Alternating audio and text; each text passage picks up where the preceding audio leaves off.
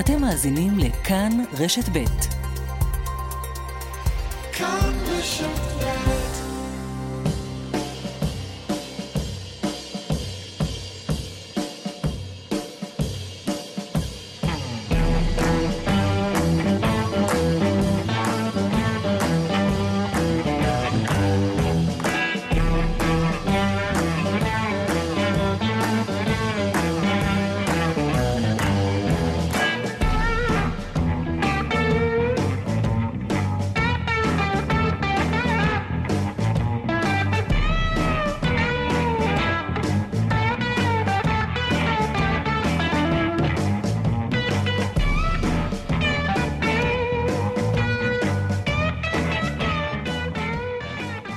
בוקר טוב, בוקר טוב ומרגש מאוד פה באולפן שלנו, כי הבוקר מצטרף אלינו הוא ולא אחר, הוא ולא שרף, עקיבא נוביק.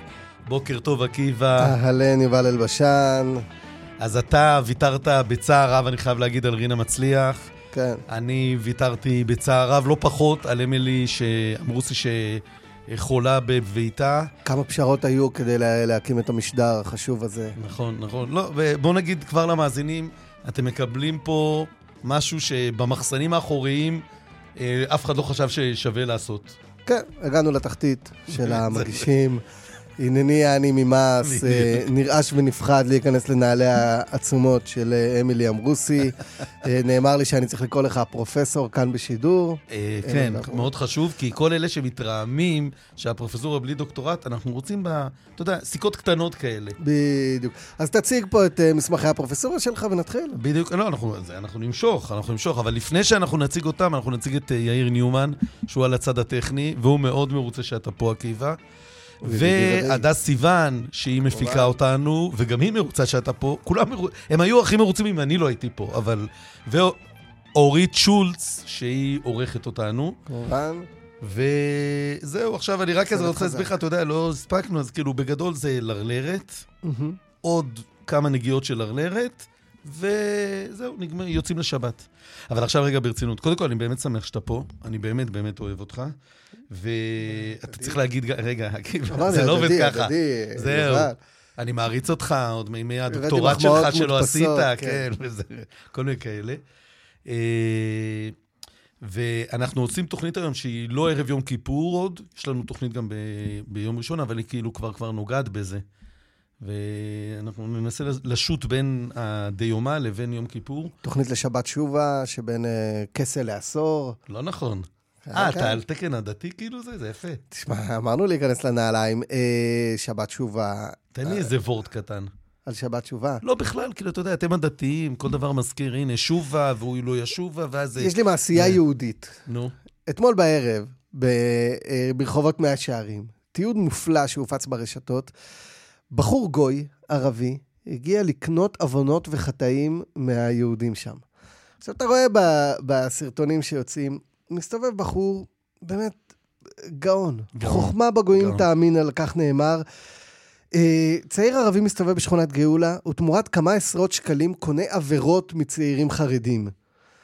עשרות צעירים עומדים בתור כדי למכור לו את העבירות שלהם. עכשיו, אני ביררתי, התעריף הוא מתחיל מ-20 שקלים. רק אני רוצה להגיד, זה סיפור אמיתי, זה לא, לא בדיה, אמיתי לגמרי. מסתובב, יש שניים כאלה כבר ראיתי. בחורים חכמים, יזמים, ממש. תשמע, זה, זה אומת היזמות. אתה נותן לו 20 שקלים במזומן, הוא לא מנפיק קבלות.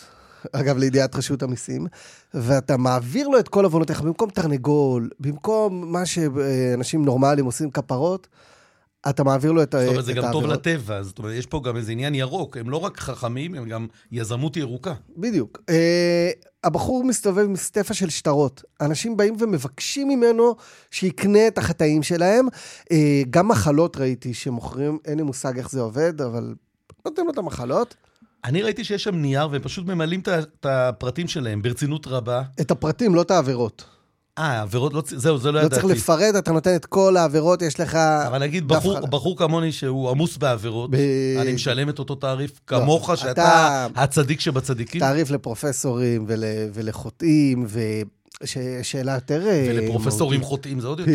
בדיוק. מה קורה אם אה, מישהו עשה את אחת משבע מצוות בני נוח, נגיד עבד עד עבודה זרה. הוא לא יכול להעביר לגוי, כי גם הגוי מצווה לא לעבור, עבר מן החי נגיד אכל. יש שם בעיות. עכשיו, וואלה, עקיבא, נכנסת חזק לתפקיד הזה. חוזר אה? הבחור הזה לביתו במזרח ירושלים בסוף הלילה. כמה כסף, רגע, לפני שהוא חוזר, כמה כסף להערכתך הוא עשה? אז זהו, אני בתור יהודי ספרתי כמה אנשים יש בתיעוד שם, אה, כמו בהופעה שאתה מחשב כמה כיסאות יש, כמה שילמת לכרטיס ומכפיל. אבל באמת, לא ברמת הרחפן הוא שמעלים ומשכפל. הוא עשה לדעתי 3,500 מינימום שקל. תקשיב, אני עבד של האיש הזה, כבר אני אומר לך. עבד לגוי קדוש. מצד שני, הוא חוזר הביתה לג'בל מוכבר, תחשוב כמה עבירות יש עליו עכשיו. וזה עוד בלי התכנון והבנייה. כן. שזה, שזה כאילו בילט אין לבית. הבן אדם, עכשיו תראה, לדעתי, אני מעריץ את הערבי הזה שהגיע, הוא כל כך חכם ותחמן וטוב עם כסף ו- וזה, שלדעתי הוא יהודי, צריך לבדוק. אולי יש לו איזה אימא יהודייה כמו ההוא שקונה מדי שנה את החמץ. אה, אז זאת המעשייה. אה, יש לי אז גם... אז אני רואה שאתה מבין בכספים, עקיבא, ובכלל, אתה נראה לי בחור מבין. אז אני חייב להגיד לך משהו ש... שאני לא הצלחתי להבין. אתמול, אנחנו עוד מעט נידרש, אה, נרצין ונידרש לעניין בן אוליאל וכל הדברים האלה. אבל אתמול רץ אצלי בקבוצות וואטסאפ בקשה מבחור שאולי אתה מכיר, ממפלגת העבודה, יאיה פינק, כן. לתרום כסף למאבק נגד, אה, אני לא זוכר בדיוק את הניסוח, אבל זה נגד שחרורו, ש, נגד שחרורו של אה, אמירם בן אוליאל, שרוצח משפחת דוואבשה. עכשיו, אני תכף נדבר על העניין עצמו, אבל אני, אתה יודע, בהתחלה זה נשמע לי ממש חכם. ו- ועכשיו אני שואל אותך בתור מישהו שבאמת גם מבין בכספים וגם בזה. בתור יהודי. כן, בתור יהודי. האם פה אה, פינק לא עשה בדיוק כמו אותו ערבי? זאת אומרת, מה יעשו עם הכסף? אני הבנתי שכבר תרמו לו 250 אלף שקל. נכון לאתמול. כן, יש לו משהו. דובר שמעדכן כל פרק אה, יש לו דובר זמן. יחצן כאילו? יש לו יחצן יוסי טטיקה, שולח לעיתונאים, נאספו 40 אלף שקלים. נאספו נכון. 70, כן. אה, לא ידעתי שיאיה הוא כאילו כבר דמות עם זה מהלך. יחצני, הוא פוליטיקאי. לא, לא, אבל תסביר לי, אבל שנייה. כאילו, אני בהתחלה אמרתי, בואנה, צודק. שם אספו מיליון, יאללה, אני גם רוצה לתרום לנגד, נגיד. אבל מה עושים עם הכסף הזה? מה, זה- אני, אני תורם לפרקליטות המדינה כדי שהפרקליטות תתנגד לבקשה? אני תורם מה. לכלא? אגב, אני מממן מנעול? מה... כאילו, כשאתה חושב לעומק, מה, מה עושים עם הכסף? זה לא הולך למשפחת דוואבשה, שזה סיפור אחר, זה בעיניי ראוי. זה הולך למאבק נגד שחרור בן אוליאל. עכשיו, מה... אין אה, מאבק כזה.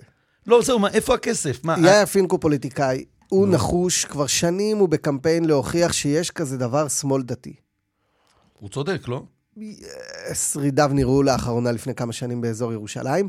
יש שמאל, יש אה, דתיים הומניסטים, דתיים ליברליים, יש בהפגנות בבית הנשיא הרבה מאוד אה, לא, חובשי אבל, כיפות. אבל סוציאליסטים ו... עד כדי כך שמאלנים כיבוש. שתורמים לחווארה ותורמים ל... למאבק המוזר הזה שאין במה להיאבק, כי האיש בכלא לשלושה מאסרי עולם. הוא רוצה להוכיח... רגע, אתה, אתה אומר לי, לפני שאנחנו מגיעים אליו, אתה אומר לי בעצם שגם אתה לא מבין מה יעשו עם הכסף. אין מה לעשות עם הכסף הזה, אבל אני כן מבין. אגב, אולי, אולי ישחדו את הסוהרים כדי שהם יסגרו יותר טוב את המנעול? לא יודע, אני מנסה לחשוב. הכסף הזה מתורגם לאנרגיה. יש היום בישראל אנרגיה של אנשים שרוצים לחבק. נתרמו, לא יודע, שלושה, ארבעה מיליון שקלים לנתניהו. לא צריך לתרום לנתניהו שקל, יש לו מספיק. תרמו לו מיליונים כדי לחבק אותו, כדי להגיד, רודפים אותך, אנחנו איתך. מה שאותו ברלה קרומבי אסף בזמנו, לדעתי הכסף עדיין תקוע, אנשים רוצים לחבק את נתניהו. אנשים רצו לחבק את חווארה. אחרי שהיה שם אה, התפרעות של יהודים. אנשים רוצים עכשיו לחבק, זה אפילו לא לחבק, זה אנטי-חיבוק. אבל אבל אתה יודע, נגיד חווארה, אני מבין. הכסף הולך, יגיע לשם לפלסטינאים, ישפרו את חייהם. ביבי, אני גם מבין. הכסף, הולך, הכסף חייו. הולך לעורך דין. פה הכסף לאן ילך? לעורך דין, שמה יעשה? יש שם, לא, יש שם ילד ש, שנשאר בחיים. לא, קרן אבל זה לא זה, זה לא, זה. לא, זה לא משפחת דוואבשה, זה למאבק נגד שחרור אה, אמירה בן אוליאל. מה, אה, מה זה המאבק הזה? נקים פרקליטות משלנו, והיא זאת שתתנגד? מה? תראה, עם ישראל, בניגוד למה שטוענים עליו, הוא לא באמת אומה של גאונים. אנשים רואים uh, קמפיין ברשת, המטרה נשמעת להם טובה. נראה לך שכולם עכשיו מדקדקים לראות מה בדיוק יעשו עם הכסף? אנשים שמים 100 שקל ואומרים, יאללה, אני לא בעד. מבינים. זה כמוני, שאני אני הולך לחנות, תקשיב, עקיבא, אני הולך לחנות ואומרים לי, יש מבצע, שלם על שלושה, קח שניים, ואני אומר, בוא'נה, איך דפקתי את? המערכת, לוקח את השניים. ולזה נותנים פרופסורה בישראל. אתה אז, רואה? אה, תראה, זה יותר, הנבחר. אמרנו, יותר נמוך מזה אנחנו כן, לא נגיע. כן. טוב, בוא נדבר רגע ברצינות על עמירם בן אוליאל. אני חייבים. מתנצל. האמת שזה נראה לי, כן, אני, אני כן חייב להגיד שקשה לי מאוד עם מה, ש, אה, עם מה שעשתה לימור אה, סון הר מלך, חברת הכנסת, וגם אחרים, וגם החבר'ה מהליכוד, חברי הכנסת. קודם כל, אני אגיד ככה, אני הייתי בוועד הציבורי נגד עינויים, אה, אני רק רוצה להגיד לך, זו תוכנית שבגדול אנחנו מרימים לעצמנו, כן. בסדר? היית, מעל 20 שנה הייתי שם. עזבתי את הוועד רק בגלל שהם התחילו לעבוד לפני שנה וחצי בערך בחו"ל. לא הסכמתי לפן הזה של העבודה, לא הסכמתי. נגיד, הוועד נגד עינויים הוא ארגון אה, שמאל הומניסטי, שבעיקר מתעסק בעינויים של אה, פלסטינים. כי, כי הם אלה שמעונים בעיקר. בעיקר, נכון. אה, והוא ארגון, אגב, הוא ארגון סופר חשוב. אני, אני, הוא ארגון נכון, הוא גם עושה דברים. זה ארגון שאנשי הימין העמוק רק עכשיו גילו אותו. בגלל בן אוליאל. נכון. אבל אז אני רוצה להגיד לך, אני גם כשהתפוצצה הפרשה ב-2018, אגב, לא הייתי היחיד, היו שם גם כל מיני אנשים אחרים, מוטה קרמניצר ויובל שני ואחרים, אבל, אבל אני גם עכשיו אמרתי, ברור לי, לי העניין הוא מאוד ברור, אין, לא צריכים להיות עינויים בישראל, בכלל. למעט בפצצות מתקתקות. כל מי שלא מוגדר פצצה מתקתקת, זאת אומרת, זה רק לטובת החקירה, אסור שיהיו עינויים. נגיד שפצצה מתקתקת הוא אדם שאם לא יענו אותו, כנראה שיצא איזשהו פיגוע, רצח, ואז, פגיעה ואז באנשים. בינינו יש צידוק, אתה רוצה להציל נפשות, פיקוח נפש. אבל בכל שאר הדברים, כולל בחקירות של פלסטינאים, כולל חקירות של מחבלים, אסור להשתמש בעינויים. זה מההתחלה. אז נשמע שאתה בעד לשחרר את בן אוליאל. אני בעד לשחרר, אני, אני חושב, אגב, כבר מזמן, וחשבתי שבבג"ץ העינויים ב-99 הם יעשו את זה, שאם יש עינויים לא בפצצה מתקתקת, אז זה, זה כמו פירות עץ אמורה לשחרר. אבל לא רק את בן אוליאל, זה מה מעצבן אותי? המאבק עצמו הוא נכון, כולל בבן אוליאל, בגלל זה אני התבטאתי לטובתו כבר כמה שנים. ואם, רגע, אם... אבל אם... כשהמאבק הוא רק אליו, שנייה, זאת הבעיה הראשונה שלי, והבעיה השנייה, שאותה חברת כנסת אמרה שהוא צדיק וחף מפשע, וזה לא יכולתי לסבול. אבל אה, היא אמרה את זה על כך שהוא לא מסתכל על נשים, שזה דיון אחר. היא אמרה, הוא לא הסתכל עליי כאישה, זה לא ולכן שמעתי. הוא צדיק וקדוש. לא, אבל היא אמרה שהוא חף מפשע, ממה הוא פשע? מהרצח. זאת טענה נפרדת שאומרים, זאת בכלל הצתה פלסטינית, טפלו עליו עלילה, אה, חף מפשע. זאת טענה שאני חושב אין לה אחיזה, גם לא אתה יודע מה, בימין. ונגיד שיש לה אחיזה, את חברת כנסת, בואנה, יש פה כללי יסוד.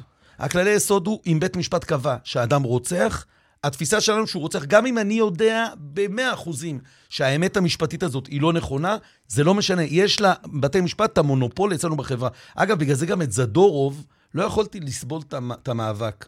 כי הוא... ב... כי עשו ממנו צדיק למרות שהוא בוודאות. כי בית משפט קבע, אני לא יודע מה הוא באמת. אתה יודע, הוא יצא פה, לא, לא משנה, אבל, אבל אתם לא יכולים לבוא, להטיל ספק בבתי משפט, לא בגלל שאנחנו חושבים שיושבים שם מהלכים ש, שהם יותר מוסריים, אלא כי זה התפקיד שלהם בחברה. אבל מה עושים... ו- אה, וחברת הכנסת פה, אתה יודע, היא חברת כנסת, היא לא טוקבקיסטית. הכלל חכמים היזהרו בדבריכם לא ממש אה, הגיע עד שם. אבל מה עושים עם אדם שעונה, ועמירם בן אוליאל עונה נכון. ב- במתקני השב"כ, ואז הוכיח מעל לכל ספק שהוא הרוצח. והוא הוכיח, עמירם בן אוליאל בשחזור נתן פרטים שחוקרי השב"כ לא ידעו, והם בדקו בדיעבד, והוכח שרק אדם שהיה שם ברגע הרצח יכול לדעת אותם. אתה שואל את דעתי האמיתית? כן, לשחרר רוצח עונה, כן. הסתובבו ברחובות רוצחים, אנשים עם תאוות רצח אסור, בליבם. אסור, לא, טוב, אז עכשיו אתה מכניס, אם הם יהיו רוצחים, בה, אז אתה אולי נכנס לפצצה מתקתקת. עמירם בן אוליאל גם בכלא ממשיך, עדיין הוא, הוא דוגל בפגיעה בחפים מפשע. תקשיב, חד משמעית, ואני יודע שזה יישמע לא טוב, ואני אחטוף על זה.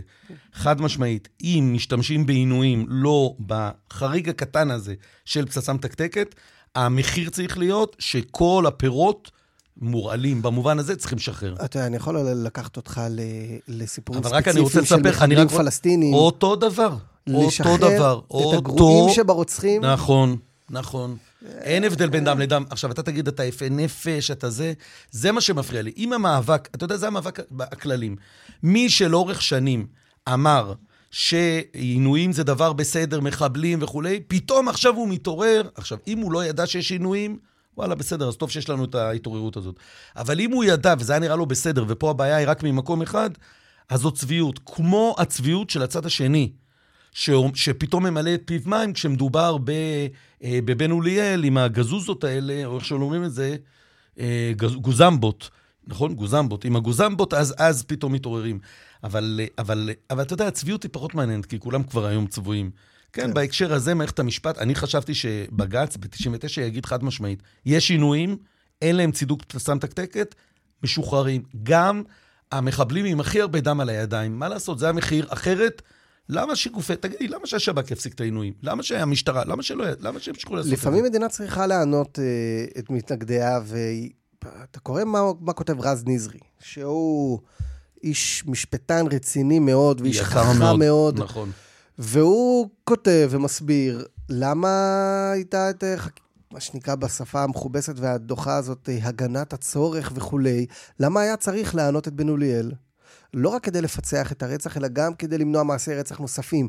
כי יש מסמך מתועב שמאיר רטינגר, שהוא איש מתועב, אה, הפיץ בקרב פעילי גבעות, מאיר רטינגר, משה אורבך, כמה בחורים כאלה, נקרא המרד.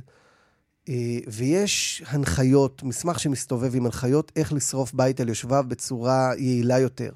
לחפש אה, ספות ובדים וכולי. אלוהים אדירים.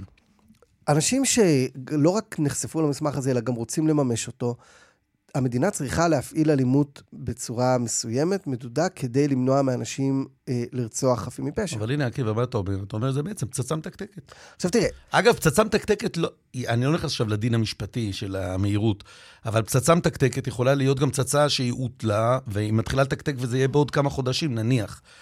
אתה יודע מה? זה חריג אחר. אני אבל רוצה שכל פעם שיהיו עינויים, יסבירו לי שזה קורה. תראה, אני יכול להגיד לך על פלסטינאים, שוב, מתוך הוועד הציבורי, שעשו את זה לא במקרים של פצצה מתקתקת.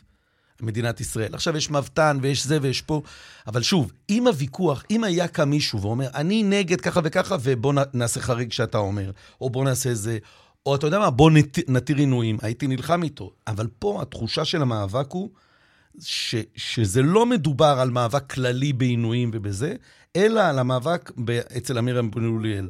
ואני, ושוב, אני חוזר, אבל אני יודע שזה נשמע לך קטנוני. אי אפשר להגיד שהוא חף מפשע, כמו שעל זדורוב לא יכולתי לסבול שאמרו חף מפשע, כמו בית משפט קבע, ואני הראשון שיודע כמה בתי משפט טועים. אתה יודע מה אהרן ברק אמר לנו פעם? שאם יהיה בית משפט עליון מעל בית המשפט העליון, בין 30 ל-40 אחוז מההחלטות שלו תתהפכנה. מה זה טוב או לא? זה, זה, אינו, זה בשר ודם, אתה, זה יכול להיות שלא, טוב. אבל מה לעשות? אבל אתה מחליט שבית משפט עליון, הוא מבחינתך, אחרת לא תהיה לך חברה. הציווי הוא לדרוש היטב ולחקור היטב. אני יכול קצת אה, להתקרבן מימין? בטח, בשבטי כאן ב... בטח, בטח. אתה אפשר לתת?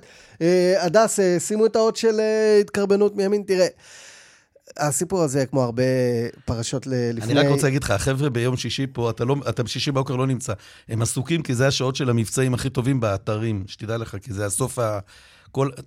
אתר קוויק וכאלה, גם יאיר, גם הטכנאי, אני כבר אומר לך, ת, תגיד לו פעמיים, יאיר, יאיר, בסדר? רק אני אומר לך, זה לא...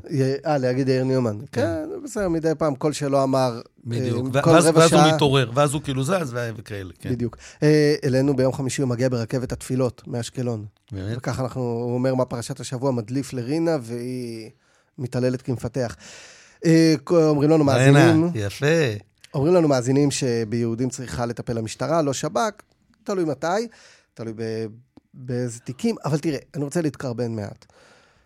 יש פרשות כאלה, כמעט כל פרשה כזאת הופכת מתישהו להכללה גסה ובוטה ומופרכת על הימין. באמת דברים אמורים.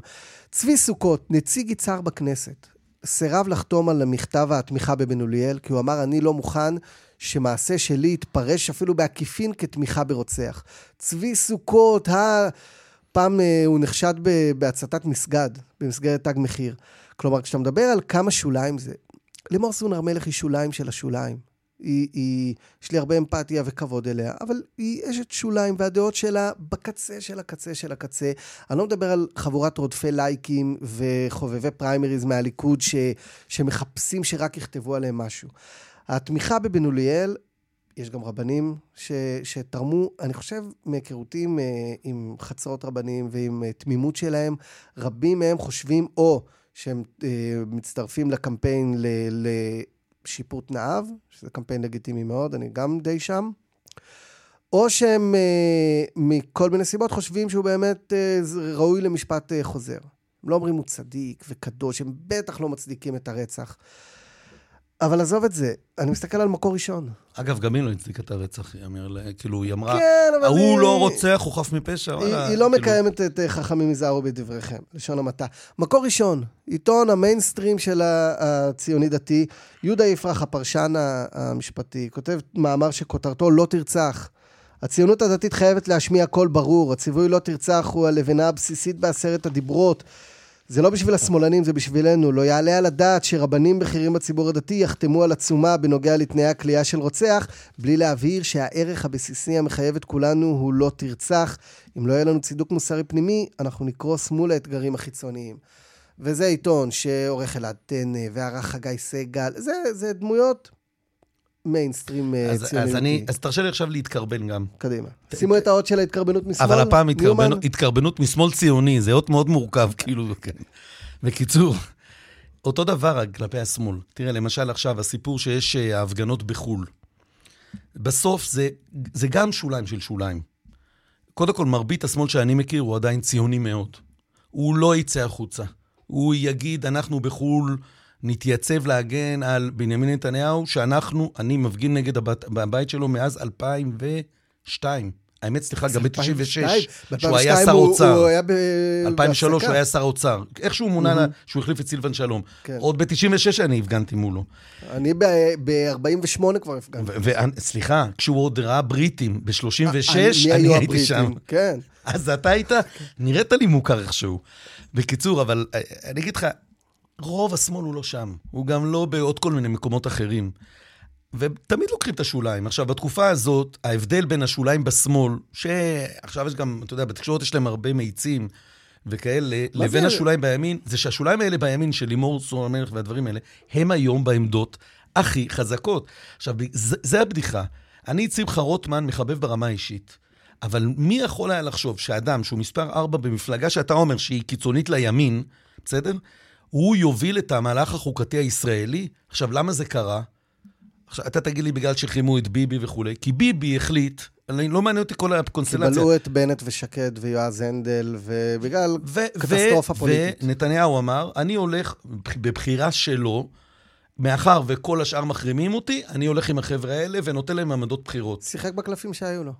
בסדר, אני יכול לבוא אליו בטענות ולהגיד לו, מי חילק תקשיב, את הקלפים, אגב? מי שהחרימו אותו. בסדר גמור, אבל אתה עדיין החלטת, אני למשל במקומו, הייתי אומר, הייתי מצפה להגיד, אם אלה הקלפים שלי, אני מבין, אני לא מוכן לתת את הקלפים האלה, ואני יורד מהבמה ונותן למישהו אחר להיות ראש ממשלה. תראה, בציונות הדתית, במשך שנים, בן גביר היה אישיות בלתי רצויה. בן גביר ומה שהוא מייצג, וכהנא ובנצי גם גופשטיין. וברוך מרזל. סמוטריץ' לא, הוא הרבה יותר מיינסטרים, והוא גם הרבה יותר שקול, והוא הוא פוליטיקאי אחר לחלוטין. אה, הכהניסטים היו בלתי רצויים, ובמשך הרבה שנים, כל פעם היו מגעים, בנט הרי סירב לשבת איתו. וכשהרב רפי פרץ היה במגעים איתו, הוא אמר, מה, אבל בבתי הכנסת של הציונות הדתית יהרגו אותי וכולי. אה, נתניהו נרמל את בן גביר בגלל שהוא שיחק בקלפים שהיו לו, ואלה הקלפים, ועדיין זה ייזכר עליו שהוא נרמל אותו, ואני חושב שלרעה, בייחוד בגלל התפקוד המחפיר והכושל והאיום ונורא של בן גביר במשרד שלו. אני לא זוכר שר כל כך גרוע במה שהוא עושה בתקופה כל כך קשה. נכון, זה כמו שאמרו, אה, בנט אה, הקים ממשלה עם רע"מ, ואז אמר, מה אתם רוצים? אה, גם אתם תכננתם לשבת איתם, נכון, אבל אתה ביצעת וזה עליך. אה, אז אני, אז אני פה לא מוכן כבר לוותר להם. אני כועס על כל אלה שהחרימו את נתניהו. אני כאיש שמאל, מה, לגמרי, גם נגד הכיבוש, וגם נגד, ה, גם אני נגד המשטר הכלכלי ועוד כל מיני כאלה. חשבתי שנתניהו הוא האיש הכי מפאיניקי שאנחנו נוכל לקבל בשנים האחרונות. נכון, הוא הכי ליברל, הוא הכי, עזוב. לא, לא רק ליברל, גם מבחינת השטחים ההתנהלות שלו הייתה הכי זהירה. מלחמות, אחרי תקופת אולמרט, אה, אנחנו צריכים לחבק את נתניהו כדי שיהיו פה כמה שפחות מלחמות. והתנגדתי למחרימים, והם הלכו בעקבות קבוצה קטנה, מיליטנטית, שמייצגת, היום היא כאילו ראשי המחאה, רובם, אבל באמת מייצגת אפס קצהו, וראית שכשהם ניסו לרוץ, הם קיבלו עשרת אלפים קולות בקושי וברחו. כן.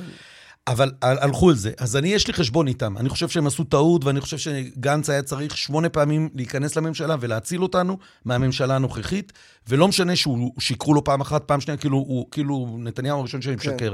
אבל אחרי שאמרתי את כל זה, מנתניהו אני מצפה ליותר. ואני מצפה שאם אלה הקלפים שלו, הוא יגיד, סליחה, אדוני, אתה לא ראש ועדת חוקה, אתה לא שר הזה, אתה לא שר הזה, ואם זה ככה, אני הולך. זהו. יש לי אומר- יש לי, את, טוב, אה, קודם כל, אגב, אני רוצה להגיד לך, במקרה, כן. אה, ראיתי היום, הספקת לעבור על מעריב? בחמש בבוקר כבר חיכיתי לשליח שמביא לי גם את כדי החלב וגם את העיתונים. עברתי על הכל, מה זאת אומרת? איזה שאלה. איזה קאקר אתה, אתה עושה אותי כאילו זקן. אני באמת עוד, אה, אתה יודע, מהדור שזה... עברתי על העיתונים בגדול. אה, ראית את הסקר שם? למה? כי הזכרנו עכשיו את יועז הנדל וכאלה. הוא קיבל- אה, הוא קיבל. שמונה הוא קיבל שמונה אני לא מאמין מנדטים. לסקרים, נו באמת. לא, אבל תקשיב, משהו אחד יפה. שמונה מנדטים, יש בזה גם איזו אמירה. כמו עם בני גנץ, כמו עם זה... רגע, מי קיבל שמונה? יועז הנדל. כן. רגע, אני אחפש את זה פה עוד פעם. בינתיים אני אגיד, תראה, הטרגדיה שלנו היא באמת שאנשים שלא מספיק רוצים לחיות ביחד, מנהלים את שני הצדדים. גם בממשלה, אתה אומר, הקיצונים תפסו, הימין מנוע, אה, הקיצונים תופסים אה, ווליום אדיר, נכון. ויש פה מחאה של מתנגדי הממשלה, שהקיצונים דל הקיצונים, באמת אנשי קצה שלא ברור מאיפה הבאתם אותם, מנהלים אותם. האמירה המתועבת של שקמה ברסלר, לא מדברים עם נאצים יהודים וכולי, ואחר כך כל מיני אנשים שאומרים, מה, במה היא טועה? מה זה, גם לא, פה... בסדר, הם, הם נהיו... תראה, אתה, אתה רואה... זה, זה מתועב וזה זילות שואה, וזה אולי, זה חמור לא פחות ממה ש, שלימור סון הר מלך עושה. אה, אני לא בא להגיד, לא אמרתי פה אף מילה ל, לטובת מה שאמרה סון הר מלך, אבל יש פה מחאה שכרגע היא מכתיבה את מה שקורה הנה, במדינה. אבל היא הנה- המחאה הכי מוצלחת שהייתה נכון. פה, והיא מנוהלת במידה רבה מי- על ידי אנשי קצה. אני מסכים איתך, ו- ואם. וכשהם ירוצו, עזוב עכשיו את הסקרים, אני אומר לך שכשהם ירוצו, יהיה להם בדיוק מה שהיה להם פעם קודמת עם בוגי יעלון, מנד... מגנט המנדטים. גם אם הם יביאו עשרה מנדטים, אני מדמיין את המחאה בכנסת, מה יהיה בתור פרלמנטרים, זה לא יהיה... אגב, אני מעדיף. אני את שקמה ברסלר יש לי הרבה, אני, אני חושב שהיא הרבה יותר מתוח, היא הרבה יותר אה, עמוקה ממה שהיא נראית, ואני הייתי מאוד שמח אם היא הייתה עומדת בראש מפלגה במקום זהבה גלאון למיניהם, בסדר? זה היה מכניס יותר עומק, וברור לי שהיא תהיה מפאיניקית, ולכן אני אשמח מאשר העמדות האחרות. אבל אני מסכים איתך שהעסק הזה, אה, שהעסק מנוהל היום, אבל תשים לב, אנשים בורחים. עזוב את הסיפורים. בהפגנות, יש לי, המשפחה שלי בין המארגנים שלנו, הפגנה בצפון והפגנה ב, בירושלים וכאלה, הכמויות יורדות בגלל ההתנהגות הזאת, בגלל האחים לנשק, בגלל מה שעשו בתל אביב, בגלל כל הלינצ'ים והסמל לינצ'ים. ואתה טוען שהסנטימנט הוא לכיוון היועזיזם מנדליזם. אני חושב שכן. ואני חושב, אגב, אתה יודע, אני... טוב, אני, נגמר לנו הזמן, רציתי לדבר גם על הטייסת מסוקי הקרב, זאת שדיברה, לא הטייסת, איך? שירה אטינג. אנחנו נדבר על זה... בשעה הבאה. בשעה, על שירה אטינג, שהלב שלי נחמץ לגביה, כי... אתה רואה, אגב, שהיא נמח... הגיעה לאיזה מקום שהיא לא, לא מבינה את הכללים בו, וקצת נדחקה לאיזה מקום, אבל טוב, אה, אם אומרים לנו שבוע... אנחנו, אתה יודע, בגלל היום כיפור וזה, אנחנו נזוז. אז הנה השיר הראשון שאתה בחרת. אה, בוא'נה, אתה ממש דתי. שתדע לך שאמילי לא מעיזה לעשות את הדברים האלה. מה- מה הפוך, מהדברים? אמילי, מה... להניח תפילין פה באולפן ו- זה- זה- ולשבת כן, תכף פינטנית? מנהל בית הספר יבוא, וגם כל הקטעים האלה שאתה ממלמל תפילות כשאני מדבר, כן. וכשהדס... אני גם לא אה, מסתכל בפניך, כי אתה נראה די נשי, ואני לא רוצה אגב, תמיד, תמיד, תמיד היה לי. משהו נשי, כן. וגם העובדה שאתה ביקשת שהדס לא תדבר אליך כי כל באישה ערווה. וזה יעבור דרך ניומן, אז... אז אה, שיר, פרסומות, ואחר כך אנחנו נדבר על יואל בן פורת, מפקד 8200, שמצא את עצמו מאושפז בכפייה בגלל שהוא העביר התרעת אמת. שעות הרבה כמו חול. בראשית הייתה הארץ, דשא עשב רך כשיילה, שיילה. בראשית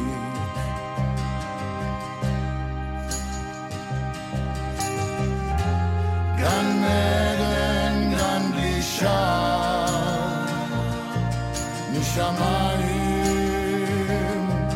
גשם טוב ניתח,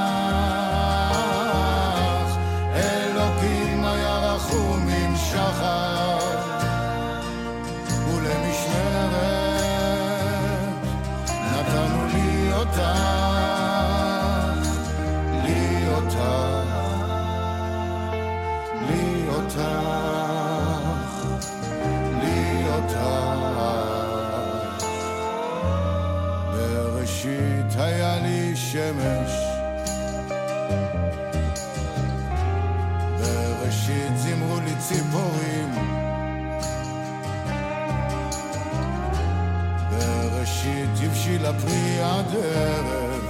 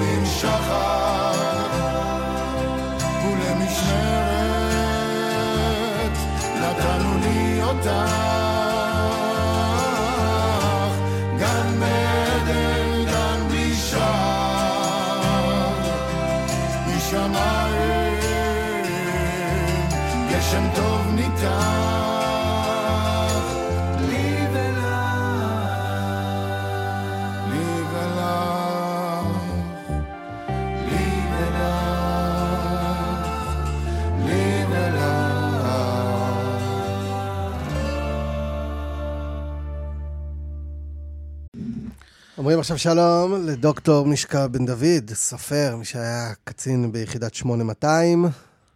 שלום לך. שלום עקיבא, שלום עקיבא, ושלום יובל. אהלן, מישקה. וגם איש אה, ביטחון, ומותר להגיד כבר, גם במוסד, כן, איש אשכולות. ואיש אשכולות, כן.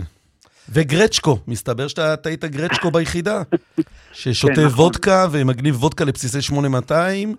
אה, אני בטוח שהתלמידים שלך בתיכון שניהלת ישמחו לגלות. גרצ'קו. כן. אה, אנחנו מדברים, כתבת היום ב- בישראל היום כתבה נרחבת על אה, יואל בן פורת, מי שהיה מפקד יחידת ההאזנה של חיל מודיעין, ואחד האנשים שהתריעו באופן הנחרץ ביותר לקראת מלחמת יום כיפור. נכון. למה היה צריך לכתוב עליו עוד פעם, מישקה? אני לא יודע מה זה עוד פעם, אני לא יודע מי כתב עליו ומתי. לא, לא, הסיבה- אני לא התכוונתי שמישהו כתב עליו, אלא התכוונתי, למה הרגשת, אני אנסח את זה, אתה למה צודק. חשוב? למה היה חשוב לך לכתוב עליו עכשיו, ב- בשנת, הס- שמסכמים כאילו 50 שנה ממלחמת יום כיפור? בוא, טכנית, ואתה בטח יודע איך זה עובד, אה, אה, פנו אליי מהמוסף של ישראל היום וביקשו שאני אכתוב עליו. ה- הסיבה שנעניתי, וברצון רב, לעשות את זה, זה מפני שאני חושב שגם אה, יואל בן פורת הוא אחת הדמויות הטרגיות אה, של המלחמה. אני לא, לא כולל בזה כמובן את אה, אלפי ההרוגים, אלפי הפצועים ועשרות אלפי בני המשפחות שלהם, שזו טרגדיה מסוג אחרת. אבל אה, כאן יש אירוע שהוא באמת טרגי, שהייתי אה, מודע לו בזמן אמת, הייתי מקורב ל, אה, ליואל, ואני חושב כשמדברים על רגע, בוא, בוא, בוא נרחיב. מישקה. ל- מה- אתה במלחמת יום כיפור היית מפקד, אה, מה שנקרא, הגדוד הנייד, נכון? של... אה, לא הגדוד, הייתי מפקד אה, מחלקה בגדוד הנייד. בגדוד הנייד, שזה הגדוד, רק נגיד לאנשים, שרץ קדימה ופורס עמדות, ובניגוד לשאר אה, החיל ובכלל הצבא, 8200 ב- בפיקודו של יואל בן פורת, שהיה משוכנע שתפרוץ מלחמה. אני מספר פה לינוק עקיבא, שלא נולד בכלל במלחמה. אה, 8200, באמת לא נולדת במלחמה. כן, כן. אה, אתה... אה, ב-8200 לבשו אה, שכפ"צים ודברים כאלה, כאילו כבר, ש- הבסיסים התכוננו למלחמה שלושה שבועות לפני, ומישקה והחבר'ה מההגנת כבר פרסו עוד לפני שכאילו אה, גולדה הודיעה על מלחמה, או לא יודע מי זה הודיע שם, 8200 כבר הייתה פרוסה במלחמה. זאת אומרת, הוא ידע שתהיה מלחמה. הוא, ואגב, גם אחרון הקצינים בבסיסים ידעו את זה. אז איפה, נכון. אז מה הפן הטרגי? תראה, הפן הטרגי אה, הוא כפול. אחת, האופן שהוא לא הצליח להעביר את מה שהוא יודע ומבין למחלקת המחקר ולראש אמ"ן. יש אה, היררכיה ברורה בחיל המודיעין, ישנה מחלקת איסוף, יחידות שאוספות, ו-8200, שאז נקראה 848, הייתה חלק מהן. המידע שהן אה, אוספות, כולן, כל אחת בנפרד, בגזרתה, מועבר למחלקת מחקר שעושה תכלול של המידע הזה ומקבלת את המסקנה לגבי המשמעויות שלו. אז הבסיסים של, אה, נקרא לזה 8200, כי זה השם המקובל היום, 848 בשעתו. כן, כן, קלטו המון מידע שמעיד על כוונות מצריות וסוריות למלחמה, העבירו אותו הלאה, ובמחקר המשיכו להעריך שהסבירות למלחמה היא נמוכה, כי הסורים וה, והמצרים אה, לא מרגישים שהם מוכנים למלחמה עם ישראל, והם כנראה מכינים תרגיל גדול. יואל, עם חלק מהידיעות שהגיעו, ממש רץ למחקר, וממש התווכח ורב עם ראש המחקר ועם אה, ראש אמ"ן דאז. אלי זעיר. אה, נכון. למשל, כשהיחידה הרוסית שנמניתי עליה אז, לפני המלחמה, קלטה בריכה מבוהלת של המשפחות הרוסיות של. דיפלומטים, כן. לא הדיפלומטים, המשפחות 아. של היועצים הצבאיים הרוסיים כן. בסוריה. אה, גם יכול להיות שגם דיפלומטים, אבל הם קלטו את המשפחות של, ה, של אנשי הצבא הרוסים, שנמלטות בבהלה ועושים להם פינוי מהיר. אה, ואז התשובה שהוא קיבל, אולי אה, אסד כועס על הרוסים, כמו שסאדאת כעס על, ה, על, ה, על הרוסים במצרים וגירש אותם זמן מה קודם. ככה גם כשהם קלטו רכבת אווירית, ככה גם כשהם קלטו ממקור מיוחד שהסיבה לבריחה של המשפחות הרוסיות זה שמחר עומדת לפרוץ מלחמה. זה היה כבר ביום שישי בחמש בערב, ידיעה שהתקבלה. אבל, כן. אבל מישקה בן דוד, אה, אתה מתאר פה את יואל בן פורת, מיר, בעצם אה, מפקד האיסוף, איסוף המודיעין של צה"ל, שהולך מתוסכל ו, ורץ מבכיר לבכיר ומתחנן, אומר, תפרוץ פה מלחמה. אתה יכול להעלות בדעתך למה לא, לא, למה דבריו נפלו על אוזניים ערלות? האם זה קשור גם בו, באופיו? אני לא חושב שזה קשור בו, כמו שזה קשור בכך שבמאי אותה שנה הייתה אה, התראה ש... על, על, על מלחמה קרבה שהתקבלה כתוצאה מתרגום לא נכון של, אה, של כמה מילים בערבית. ו... היחידה התריעה, ראש אמ"ן אמר אתם טועים וראש אמ"ן צדק. הפעם זה עמד לזכותו, וגם עלה הגיוס שעשו אז 50 מיליון אה, לירות, שזה היה המון כסף, כן. וראש אמ"ן צדק. אבל אתה מתאר עכשיו... בישראל היום את אה, אדם גלותי, אה, קצין פולני, מה שקוראים, לא במובן הטוב, מישהו שגם בנעוריו עוד ראה את החיילים הרוסים בורחים אחרי אולי הכישלון המודיעיני הגדול בהיסטוריה, מבצע ברברוסה, ויכול להיות שאז הם הסתכלו עליו ואמרו, הגלותי הזה, הוא, הוא רואה שחורות, הוא רואה צל הרים כהרים? לא יכול להיות, זה היה. הם, הם התייחסו אליו ככזה. יואל אה, היה בוגר כילד של מחנה ריכוז שמשפחתו הושמדה, אחר כך אה, הצטרף לפרטיזנים אה, לכמה שנים כילד. בדרכו ארצה עוד נעצר על ידי הבריטים ושמו אותו גם במחנות המעצר בקפריסין. הוא, הוא עבר הרבה מאוד דברים קשים. ו, והצברים, כמו שאתם יודעים מה, מהסיפור הישראלי הכללי, הצברים לא התייחסו בחיבת יתר לניצולי השואה. וכאן עמדו בראש המודיעין כמה צברים אה, קשוחים וקרביים, אה, אלי זעיר היה אחד כזה, אה, וגם בתחקירים שהיו אחרי המלחמה, אז אלי זעירה אמר, אני מצטט בערך, אחרי, ש... אחרי שיואל טען את טענותיו, אמר, כולנו מכירים את יואל, הוא בא מהשואה והוא קצת חששן, וככה הם, הם אה, התייחסו אליו, ומאוד יכול להיות שזה השפיע על האופן שהם קיבלו את ההתראות שלו. אה, מדהים שזה לא היה יתרון בעיניהם. בן אדם ש, שראה במו עיניו בתוצאות כישלון מודיעיני. הרי נגיד בסוגריים, סטלין קיבל עשרות אה, אינדיקציות, גם מרב המרגלים ריכרד זורגה, וגם אותם רעיונות בגדול, ושיחונים שהודלפו, ממש הוא ידע שמיליוני חיילים גרמנים יפשטו על ארצו, וגם העדיף להתעלם. ואתה אומר, הגיע בן אדם בוגר הדבר הזה, והשחץ הישראלי בעצם אטם את האוזניים מלהקשיב לו? אני לא קורא לזה שחץ בלבד, אני קורא לזה קונספציה. גם שם אה, סטלין ידע שיש לו את הסכם אה, ריבנטרופ מולוטוב, ולא חשב שהגרמנים הג'נטלמנים יפרו אותו. אה, וגם כאן היו ידיעות על, על תרגיל, ואמרו זה בטח תרגיל. וגם כשיואל, והוא מתאר איך הוא פנה לאלי זעירה ואמר לו, תשמע, הסורים הביאו טנקי גישור לקו הראשון. על מה בדיוק הם הולכים לגשר? אם לא על תעלת הנ"ט. זאת אומרת שהם הולכים לצלוח אותה. אה, יואל, תביא ידיעות ואל תעריך לי אותן. יש לי מי שמעריך את הידיעות. ועכשיו, זה, זה היה החלק הראשון של הטרגדיה. כמו שאני מצטט את, אה, את סגנו, אריה בנטוב, שאמר, כשהוא, כשפרצה המלחמה, הוא ראה את יואל והוא אמר, פקע מיתר בליבו. אה, אני פגשתי את יואל גם לפני המלחמה, גם במלחמה, הוא, הוא, הוא ביקר אותי, גם אחרי המלחמה כמה וכמה פעמים, והוא מינה אותי להקים מחדש את, אה, את מוצב החרמון. אה, המוצב, ש... המוצב שנכבש ביום כיפור, ו... נכון. להבדיל ממה ש... לא יודע אם יצא לכם, עקיבא, יצא לך לראות השבוע ב-12 אה, אני חושב יגאל מוסקו עשה כתבה על מוצב 8200 בהר אביטל, מה שנקרא ננבה. נכון. אני רואה רק 11. לא, גם אני, אגב, גם אני ראיתי רק 11, אבל כאילו במקרה קפץ לי. עברת ליד אה, כן, פתוחה בקיוסק. כן, עברתי ליד זה. ושם מספרים, לא, סיפור שאנחנו ביחידה מכירים, לאורך כל המלחמה, למרות שהורו לפ, לפ, לפנות את ה...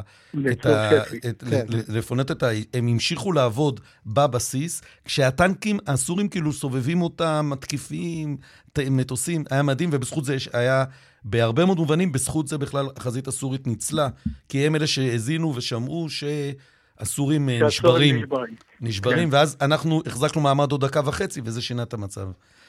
אבל אה, אה, רגע, אז, הגענו איתך לסוף המלחמה, אבל רגע, ואחרי המלחמה מתחילות ה... אחרי המלחמה מתחילה הטרגדיה השנייה. אוקיי. הטרגדיה הראשונה הייתה מה שעבר עליו אה, כש, כשפרצה מלחמה והסתבר שכל ההתראות שלו אה, התעמתו, אבל לא התקבלו. גם באמצע המלחמה הוא פגש את דדו וגילה שההתראה מיום שישי בחמש בערב לא הגיעה אליו בכלל, והוא היה המון. אלי זעירה החזיק אותה אצלו. לא, זה, זה, שם זה כבר היה ערב יום כיפור, היו תורנים אה, okay. אוקיי. זוטרים ולא לא הבינו את חשיבות הידיעה ולא העבירו אותה הלאה. אה, בכל אופן, היא לא הגיעה ל, ל, לדרג הקברניטים. אבל הטרגדיה השנייה התחילה אחר כך. הסתבר, כולם הבינו שיואל צדק, וכולם לא רצו שהוא יעיד בוועדת אגרנט. ואז הציעו לו כל מיני uh, פיתויים. ועדת חקירה על המלחמה.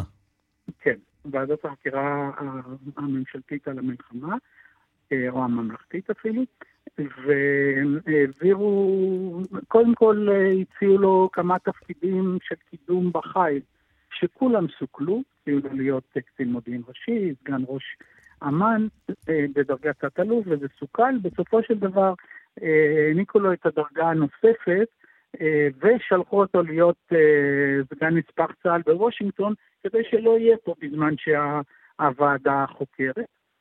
אה, הוא, הוא הגיע ונחקר בסופו של דבר, סיפר גם על הידיעה, על מה שקרה לידיעה של יום שישי בערב, שלמרות שמאוד הומלץ לו לא לספר על זה, והפך באותו רגע לאישיות בלתי רצויה בחיל המודיעין, לא קודם יותר בחיל.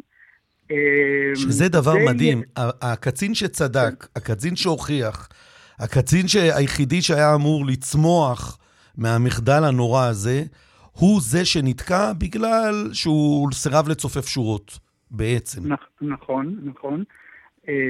ואנחנו צריכים רגע להתקדם, אני רק, אני סיפרתי לעקיבא לפני זה שאני זוכר אותו בתור קמ"ן, בקורס קמ"נים בבית הספר של מודיעין, אז באיזשהו שלב הוא כבר שוחרר מאשפוז כפוי, ונתנו לו חדר לכתוב את התורת לחימה, נדמה לי זה היה אז אהוד ברק ראש אמ"ן, אבל אולי אני טועה. נכון, נכון. והוא היה מסתובב בבסיס עם דרגות תת-אלוף, וראית אדם כבוד. רמוס, לא יודע להסביר, כאילו, ואז, ו, ואני לא הצלחתי להבין איך הוא הגיע לאשפוז הכפוי, אתה יודע, אף פעם לא, כאילו, איך ממצב של המטריה הלאומי שצדק, הוא מגיע לאשפוז כפוי.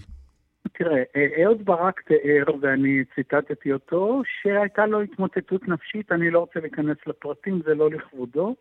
ויוסי לנגוצקי, אה, שהיה רמ"ח איסוף, ומוכר כן. לנו גם מענייני חיפושי הנפט, כן. אה, אה, תיאר שבעצה אחת של קצין רפואה ראשי והפסיכיאטר הצבאי הראשי, טמנו לו מלכודת ופשוט עצרו אותו ואשפזו אותו בכפייה. אה, בגלל התנהגויות שהן חשבו שהן אה, לא נורמטיביות. אתה, ש... אתה מרשה לי להגיד שבגלל שהוא סירב לוותר בנושא הזה של שייתן, מי, מי שצריך ייתן את הדין, אז מצ, מצא את דרכו לבית אסורי הנפש. אני, אני לא, לא יודע אם זו הסיבה. אני מניח שאם אתה אומר את זה, אתה יודע... לא, לא, לא, לא, אני, אני יודע הרבה פחות ממך.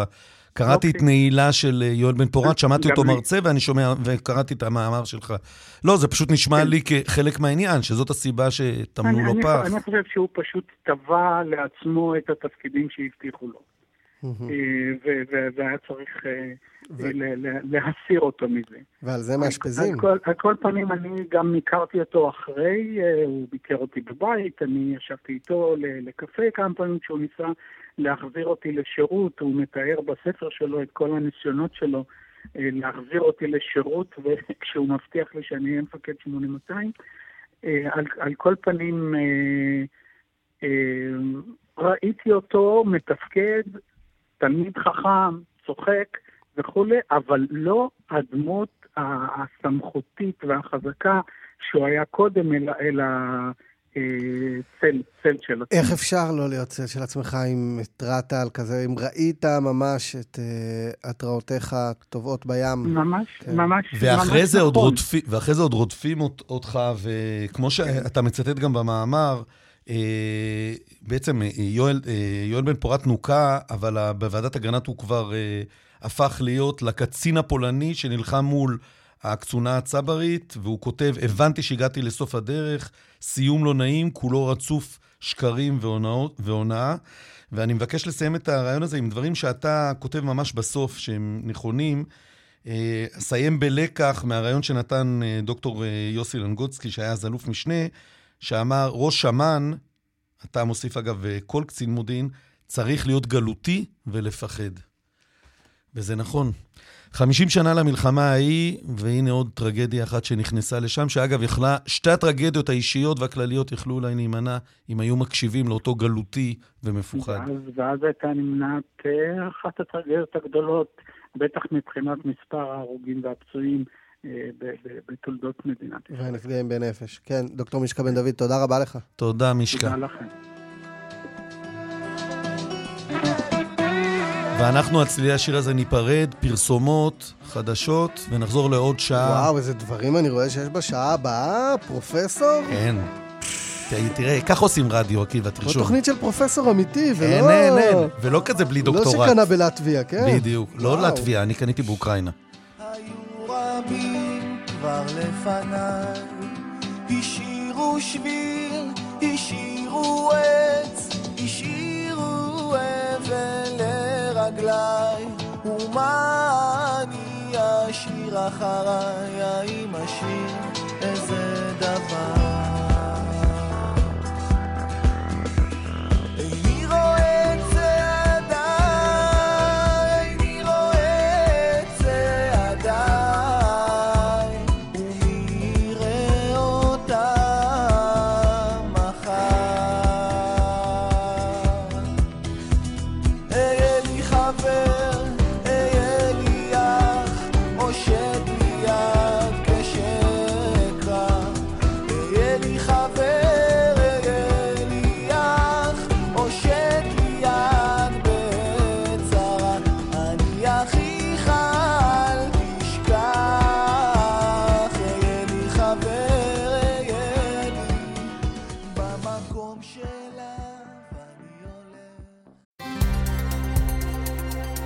מאזינים לכאן רשת ב'.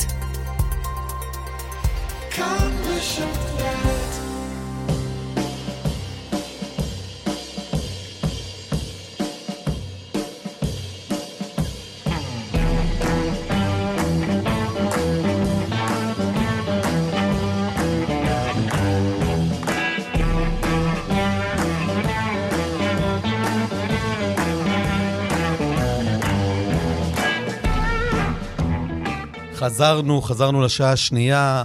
בתפקיד אה, רינה מצליח, אני יובל, בתפקיד אה, אמילי אמרוסי, עקיבא נוביק, היי היי. בתפקיד יאיר ניומן, רוני נאור, ובתפקיד אה, הדס סיוון ואורית שולץ, הן עצמן, היחידות שמלאות תפקידן. אנחנו בשעה השנייה, אמילי והפרופסור, אנחנו מקבלים לא מעט תגובות, עקיבא, על מלחמת יום כיפור. זה דבר מדהים, אני חייב לומר, מדהים. האמת, זה לא מדהים. דבר נורא. א- איך העניין, איך ברגע שזה מגיע למספר עגול כמו 50 שנה, זה, זה גורם גם לאנשים אה, להיפתח, ובאמת, אתה יודע, כשאתה משווה בין הקשקושים שיש בשיח הציבורי הרגיל, ובין ה... האלמנט, אתה יודע, ההפגנות בחו"ל, והזה פה, וההערה הזאת, והפה, לדברים של... לא יודע, אני, אני, אתה יודע, אני כל השבוע כבר סביב העניין הזה של יום כיפור, בגלל שראיתי את האחת, יצירת המופת של סימה קדמון, באמת כן. יצירת מופת. אה, וגם ראיתי בערוץ 2 את אה, יומני גולדה, שעוד מעט נדבר, ואני כל כולי סביב זה כבר לגמרי, גם לקראת התוכנית שלנו ביום ראשון בבוקר. ובסוף, זה האנשים הקטנים, זאת אומרת, אני לא אוהב את הביטוי, אבל כל הגנרלים וכל האלה, וכל עכשיו המומחים שגם מטיפים לנו ומוציאים התראות, אתה יודע, מה יהיה עם סעודיה, כולם עם המון סימני קריאה. בסוף מי שהציל את המצב, זה היה, אתה יודע, ב-8200 שם ביער אביטל, זה היה המפקד, אני יודע מה, סגן, סרן, קטן. בסוף מי שהציל את המצב שם בתוך הטנק בעמק הבכר הוא אביגדור קהלני. קראתי, אני מדי שנה משתדל לקרוא אה, תיאורי צל"שים, פירוט. הם כתבו מאוד יפה. באמת? כן. למה, מתוך סטייה. כבוד לאנשים? לא, עזוב סטייה, זה דווקא יפה, מתוך לי- כבוד כזה. כן, יש לי חיבה, מה זה חיבה? לא יודע, אני חוזר לזה כל הזמן. אתה רואה את השפה הדלה אצל אבי לניר, גיבור ישראל שעונה למוות כדי לא למסור את סודות האטום. אתה רואה את, ה, את הצל"שים הקטנים דווקא, אה, גשש בדואי שפשט את המדים ועונה במצרים ולא סיפר שהוא מצה"ל ולא מסר שום פרט צבאי. אה, אנשים שחזרו חיים, ואתה מבין שהם לא חזרו, אי אפשר אה, לשרוד את זה נפשית. ואצל אביגדור הם דווקא התפייטו. ביוסי בן חנן יש מגילה שבאמת מצדיקה את פירוט גבורתו, ובאביגדור קהלני כתוב, חייליו היו על סף שבירה, ובכוח הנהגתו גבור, הוא, הוא שינה את תוצאות המערכה ברמת הגולן. כתוב, כמעט בשום צל"ש לא כתוב שהוא השפיע על הקרבות ככה, כמו קהלני ורוח הגבורה הבאמת מפעימה שלו. אני אגב, לא, לא הכרתי מספיק את פועלו של איתן בן אליהו, אבל בעקבות הסדרה, אז, אז גם כאילו התרשם. זה בסוף היו אנשים ספציפיים, ואני רוצה להאמין, אני, אתה יודע, מהשיחות הפרטיות שלנו, כמה אני קצת, שב, לא שבור, אבל גם לא מעז להגיד מיואש, אבל כמה המצב הזה מפחיד אותי, מעורר אצלי חרדות, ואני כן חושב שבסוף, כאילו, בעקבות מה שעכשיו אני קורא, האנשים הקטנים יצילו אותנו גם מהשבר המנהיגותי, וגם מה שאמרנו מקודם, הקיצוניים, אה, ברסלר מפה וזאת משם וזה, זה, כל החבר'ה, בסוף האנשים, האנשים יעשו את מה שנכון. זאת אומרת, זה, אה, מי שמצפה שזה לא יקרה, אני חושב שכן אפשר לסמוך על האנשים האלה למטה. למרות מה שאמר אתמול גיל רשף, בסוף, ה, ה, בסוף הסדרה האחת, הוא... היה שם קטע אחד מהקטעים שאי אפשר היה לו לדמוע. אתה יודע, היה טייס בטייסת 201, וגם אחרי זה היה ראש אכ"א, או אלוף וכאלה. והוא אמר שהוא לא רוצה שהוא יגיד לנכד שלו לא להיות לוחם. וראית שזה כאילו, אתה יודע... עכשיו, הוא לא אמר את זה אתמול במחאה, זה הוקלט מזמן. אה, לא, ואתה יודע מה אני חשבתי? ראיתי כמה קשה לו, ואתה יודע, אי אפשר היה לא להזדהות, ו- ופתאום נפל לי האסימון שזה, הוא יגיד, אבל הנכד יבין מה הוא באמת אומר, והנכד כן יעשה את זה.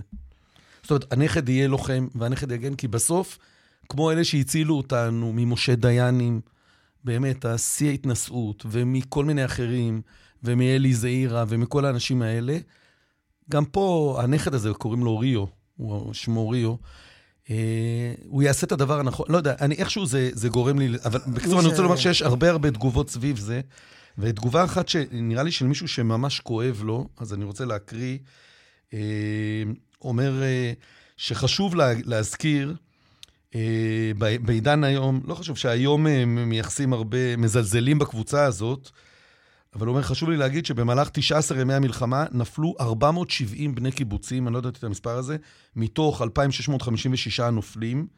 זאת אומרת, רבע מהנופלים במלחמה היו קיבוצניקים, שאז מנו ש- לא יותר מ-2% מה, אה, מאוכלוסיית המדינה. עכשיו, זה לא קשור, זה, לא- זאת אומרת, זה לא שאומר שאחרים פחות, אבל היום, שכולם מסתכלים על הקיבוץ, אה, בעידן הנוכ, הנוכחי, בוא, כנראה- כש- זה- זה- זה- זה פצע שחשוב אה, לומר, כשתועמלנים כן. מלבים שנאת קיבוצניקים, אה, וגם קצת שנאת אשכנזים. וגם שנאת מזרחים, וגם שנאת ביביסטים. אתה אתה יודע, רואה את- בסדרה האחת את איתן בן אליהו ודני חלוץ, שקודם כל אתה רואה איזה טייסים טובים הם כנראה היו. שניהם בנים למשפחות שעלו מאיראן. אם היום מסתכלים על, אה, על עולי עדות המזרח, טוב, זה אה, לא... זה לא... עדיין לא, לא בצורה אה, שווה לחלוטין, אז בטח, תחשוב כמה תקרות הם ניפצו. למרות שאני אומר לך, עקיבא, הסיפור הוא, צריכים להפסיק את זה. המזרחיים, זה שם לא טוב שנתנו בגלל האוסט יודן. אבל בינינו, היהודי פרס, וגם יהודי עיראק, לא חוו את מה שיהודי מרוקו, וזה אני אומר כמי שעלה מקרקוב. נכון. ואתה, ואתה קורא את אה, דפי הצל"שים, ואתה רואה כמה עולי מרוקו יש, וכמה עולי מצרים יש, ועולי סוריה ולבנון, אה, והם הצילו את המדינה באמת. ה- ה- קהלני הזה, שהוא הוא, הוא ואחיו גם, זכרו לברכה, שניהם קיבלו אה, עיטורים, אה, הצילו את המדינה אנשים שפשוט הבינו שהם הולכים למות, ובידיעה גמורה אמרו, אנחנו נמות ומותנו שווה את זה. אה, לכן כל כך מסוכן שהיום יש כל כך הרבה אנשים ש, שמוכנים, שאומרים, זה לא שווה. ולראות לא, מישהו... לא שווה את הלהיאבק הזה ולראות אפילו. מישהו כזה שיצא ונכנס למטוס בידיעה ברורה שהוא כנראה ימות היום, לראות אותו אומר לנכד שלו, אל תהיה לוחם, אה, נשבר הלב. אבל נשבר הלב מאוד, ואני אומר, אבל היה משהו בעיניים שלו, ובאיך שהוא שתה אחרי זה את הסודה, ואיך שסימה הסתכלה עליו, ולא...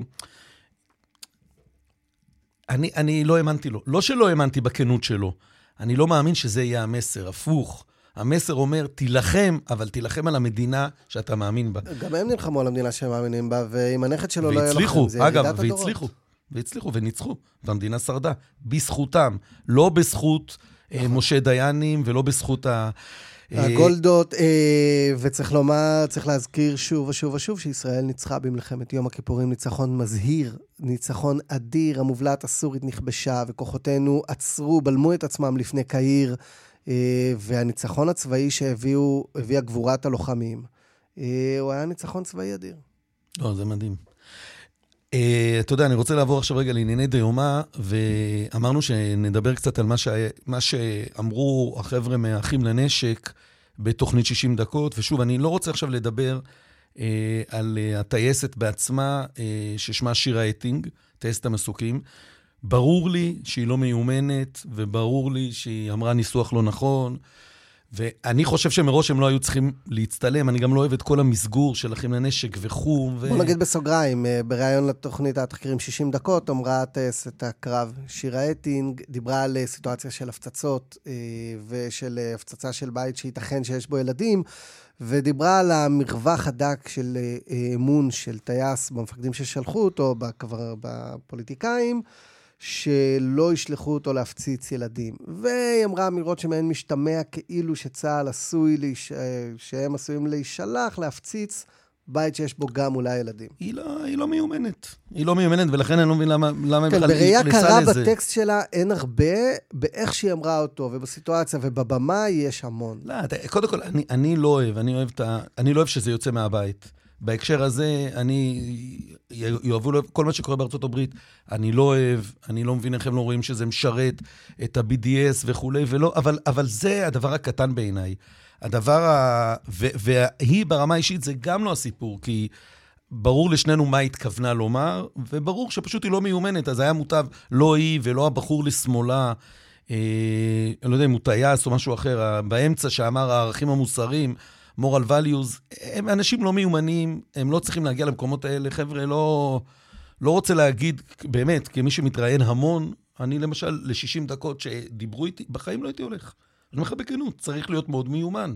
אלא אם כן אתה במקום, בטח כשהמסר שלך הוא כל כך מורכב כמו של החבר'ה האלה.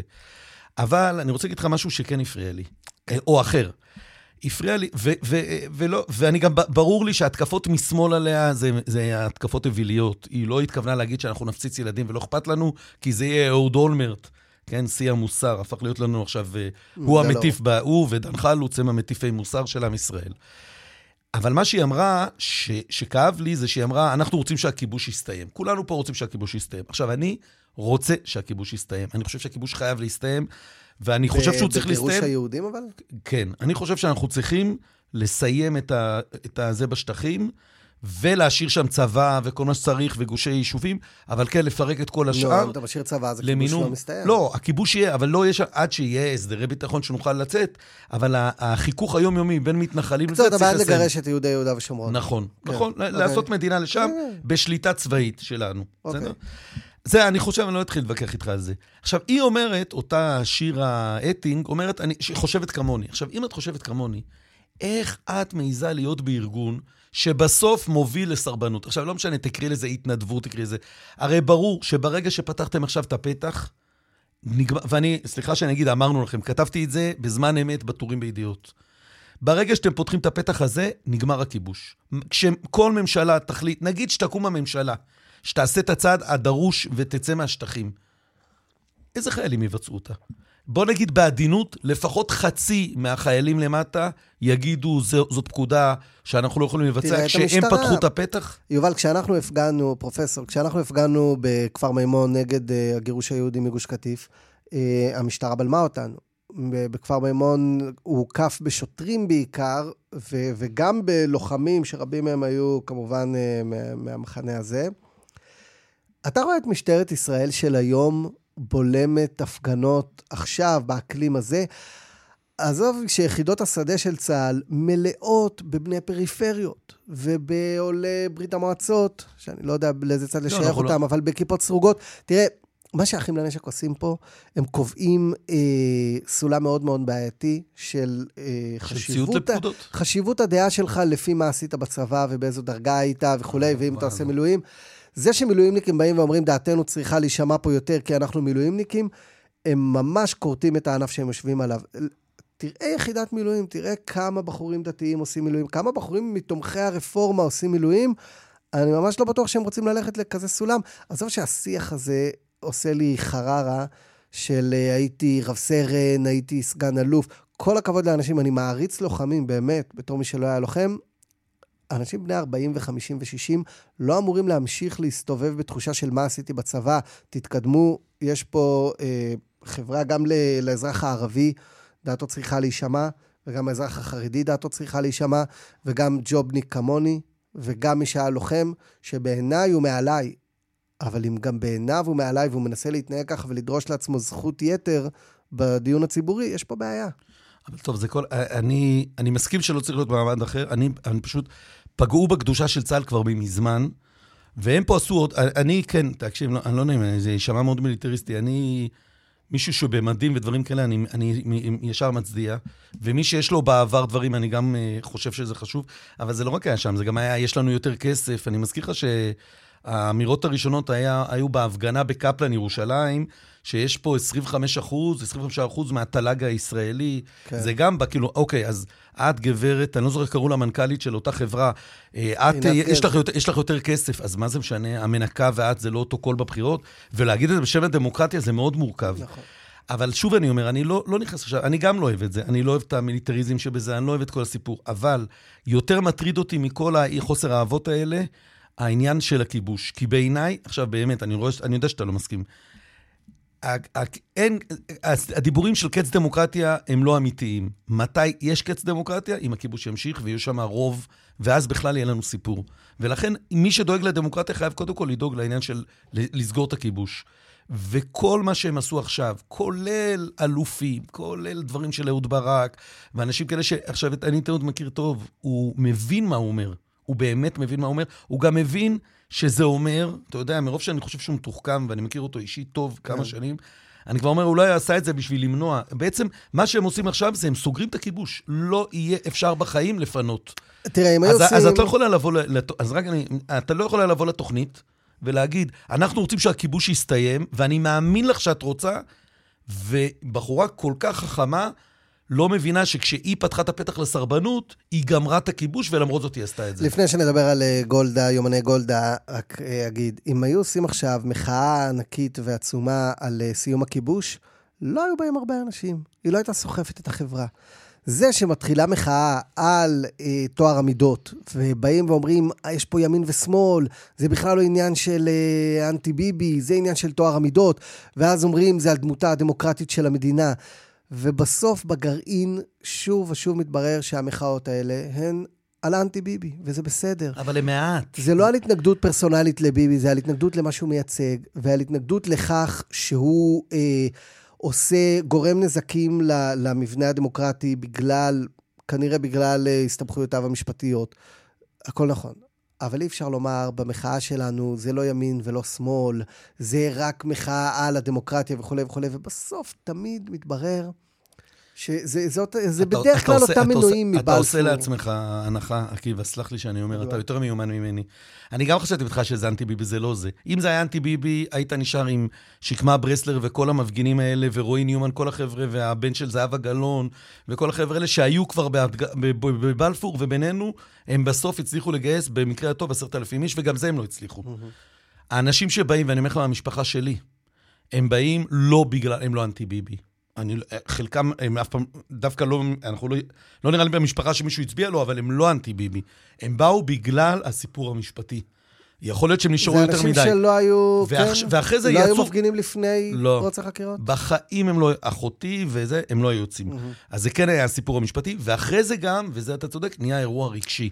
הסיפור עם החרדים, זה, השסע הזה בין המתגייסים ללא מתגייסים, התפוצץ. זה נכון, המורסה הזאת התפוצצה, והחבר'ה, אבל זה לא, אני רוצה לומר לך, זה לא ביבי. אמרתי את זה גם לחבר'ה מהאופוזיציה, אם הם ייכנסו לביבי, רוב, ויעצרו את החקיקה, רוב המפגינים המוחלט, המוחלט, מוחלט, מוחלט, אהוד ברק לא יאהב את זה. רוב המפגינים יאהבו את זה אם יריב לוין ירד מכיס שר המשפטים, החקיקה תרד, ובני גנץ יהיה שר לענייני כלום במשרד ראש הממשלה. אז אני מסכים איתך שזה לא באמת אה, ביבי לא ביבי, זה באמת יותר מזה, אבל אה, יש תחושה שבמחאה הרבה פעמים אה, היא קצת אה, מתחפשת. זה בסדר. אגב, לגיטימי, לא? כן, מה עושים במחאה? תשמע, יש להם, יש להם משרדי יחסי ציבור טובים מאוד. טובים. הם אומרים, אתה יודע, אפילו אנשים, אתה יודע שמשפטנים העיפו את ה... היה להם איזה סיסמה, בית המשפט עליון. עכשיו, אפילו משפטנים שלמדו דמוקרטיה ומבינים שזה כאילו, I הדבר love הכי... בג"ץ היה להם. גם. I love בג"ץ זה חמוד, אבל זה לא מזיק. גם אני חשבתי שזה זה טיפשי. הגאונות שלהם לפ... לחלק את עצמם לאלף מחאות, שכל מי שרופא הוא בעצם מחאת הרופאים, וכל מי שהוא גנן, מחאת הגננים הנה, אנחנו וכולי. לא עשינו את זה. באוסלו הפגנו 50 אלף מחאות. כל בן אדם, אני הייתי מחאת ילדי גן חובה, שהם גם עם כיפה בוכרית וזה. זאת גאונות. למה כיפה בוכרית לך, אגב? מחאת המילואימניקים, מחאת רגע, אני נראה לי שאתה מתהדר, אני בטוח שלא היית. עם כיפה בוכרית. בעופרה הסתובבו עם כיפות בוכריות? אני? הסתובבתי עם כיפה בוכרית. למה, להיות מקורי ליד כל האשכנזים של עופרה? בטלפוני, הווה עובדה. אני אראה לך תמונה בזמן השיר. אני רק אגיד לך שזה זה חוכמה, זה בעיניי מאוד חכם. אנחנו עשינו מטה. מטה נגד בנימין נתניהו שהיה שר, מטה המאבק של הארגונים החברתיים, והיינו, אנחנו שני ארגונים, והוא שלושה, והיה לנו כמו יהודי טוב. שני, שלושה בתי כנסת לשני יהודים. אלף בתי כנסת זה גאוני, כל אחד יכול להתנער ממשהו שאחר דווקא הם, אומר, הם, לו מתנהלים, הם. מתנהלים יפה. נכון, מתנהלים מאוד תחשוב. פרופסור למשפטים, אני לא אגיד את השם, מפיץ את התמונה ואומר, אני מסכים לכל מילה, בית המשפט עליון. בוא'נה, הרי הוא יודע דמוקרטיה, הוא יודע שאין כזה דבר, בית משפט עליון, אנחנו לא מועצת חכמי השורא. כן. ובכל זאת. טוב, אנחנו נשמע שיר, ואחרי זה נמשיך, על, נחזור שוב ל, למלחמה, הפעם הזווית של גולדה.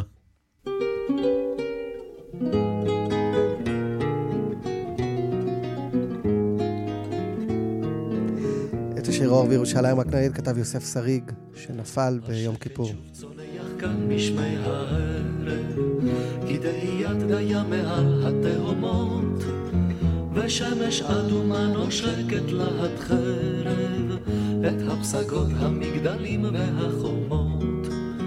ראיתי עיר עוטפת אור, והיא עולה בשלל צבעי הקשת, והיא נוגנת בי כנבל העשור.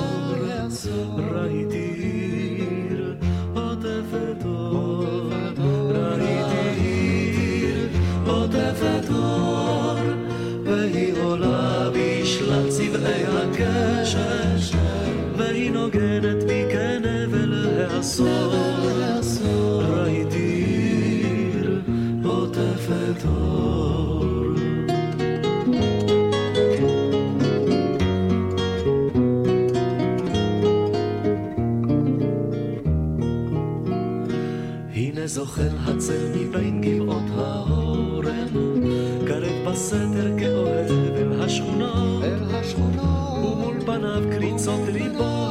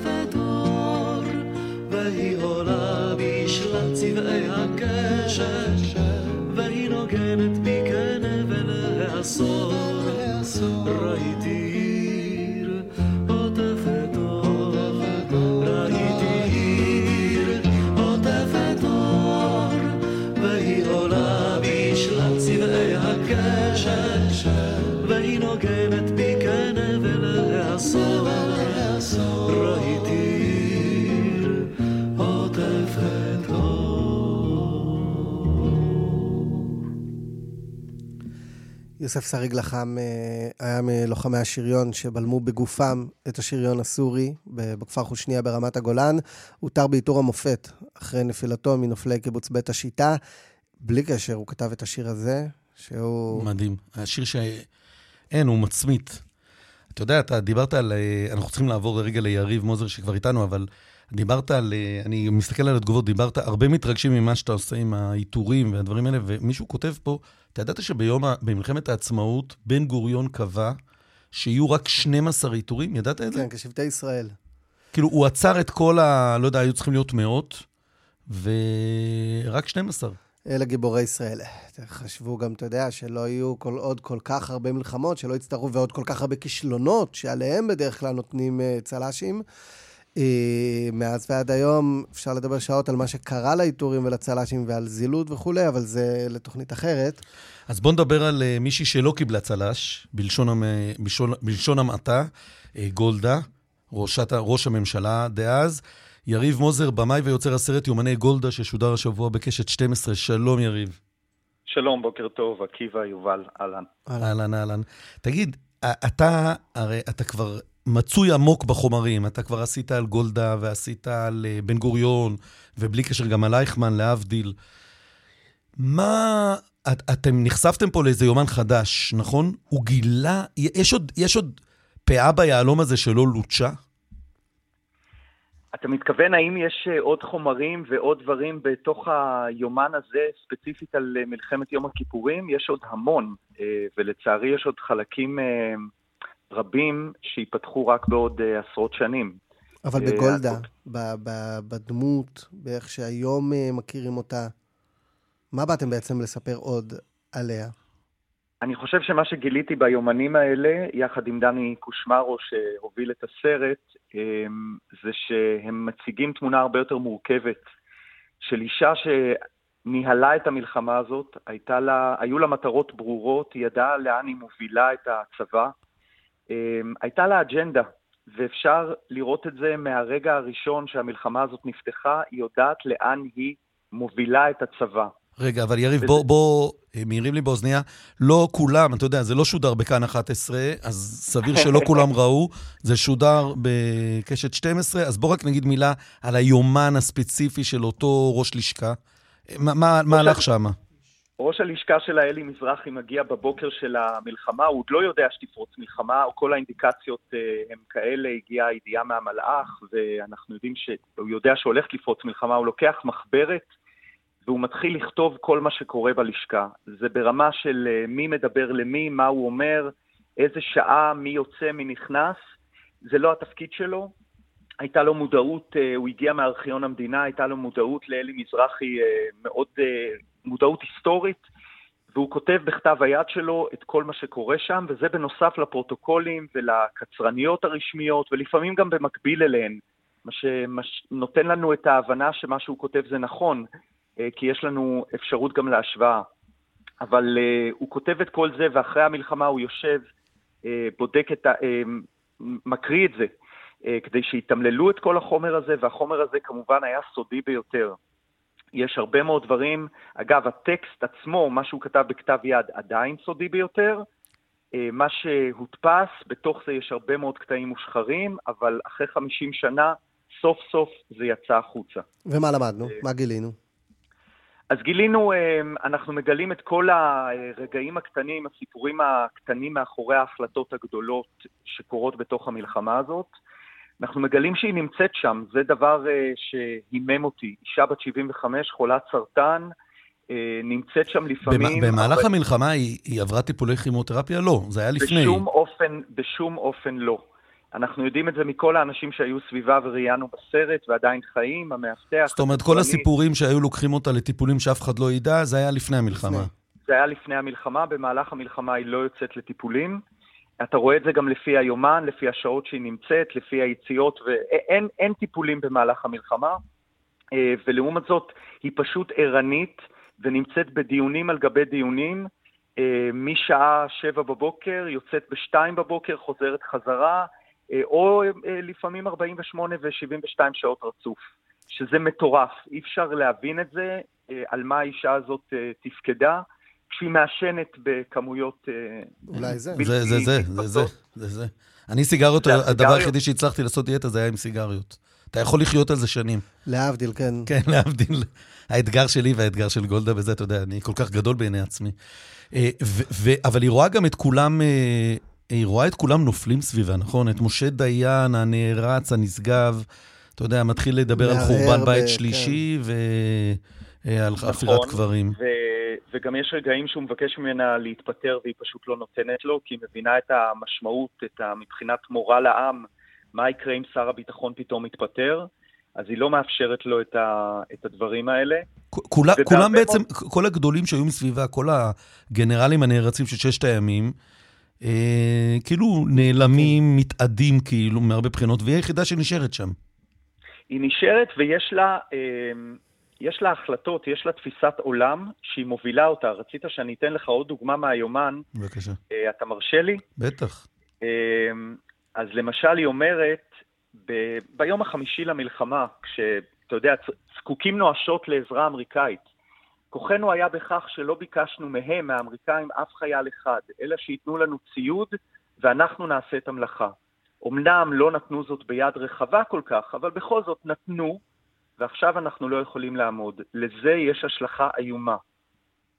אה, אל תחשבו שאני טיפשה כזאת, אך מהבחינה של מה שטוב, לפי דעתי, בשבילנו, אני לא אומרת כבר מה זה יעשה לעם היהודי כולו, אבל בשבילנו אנחנו יכולים וצריכים לתת להם מכה הגונה, כדי שהרוסים יבקשו הפסקת אש ב- ב- בשבילם, ואז שיכריחו אותם לעשות את זה, וזה יהיה בשבילי דבר עצום.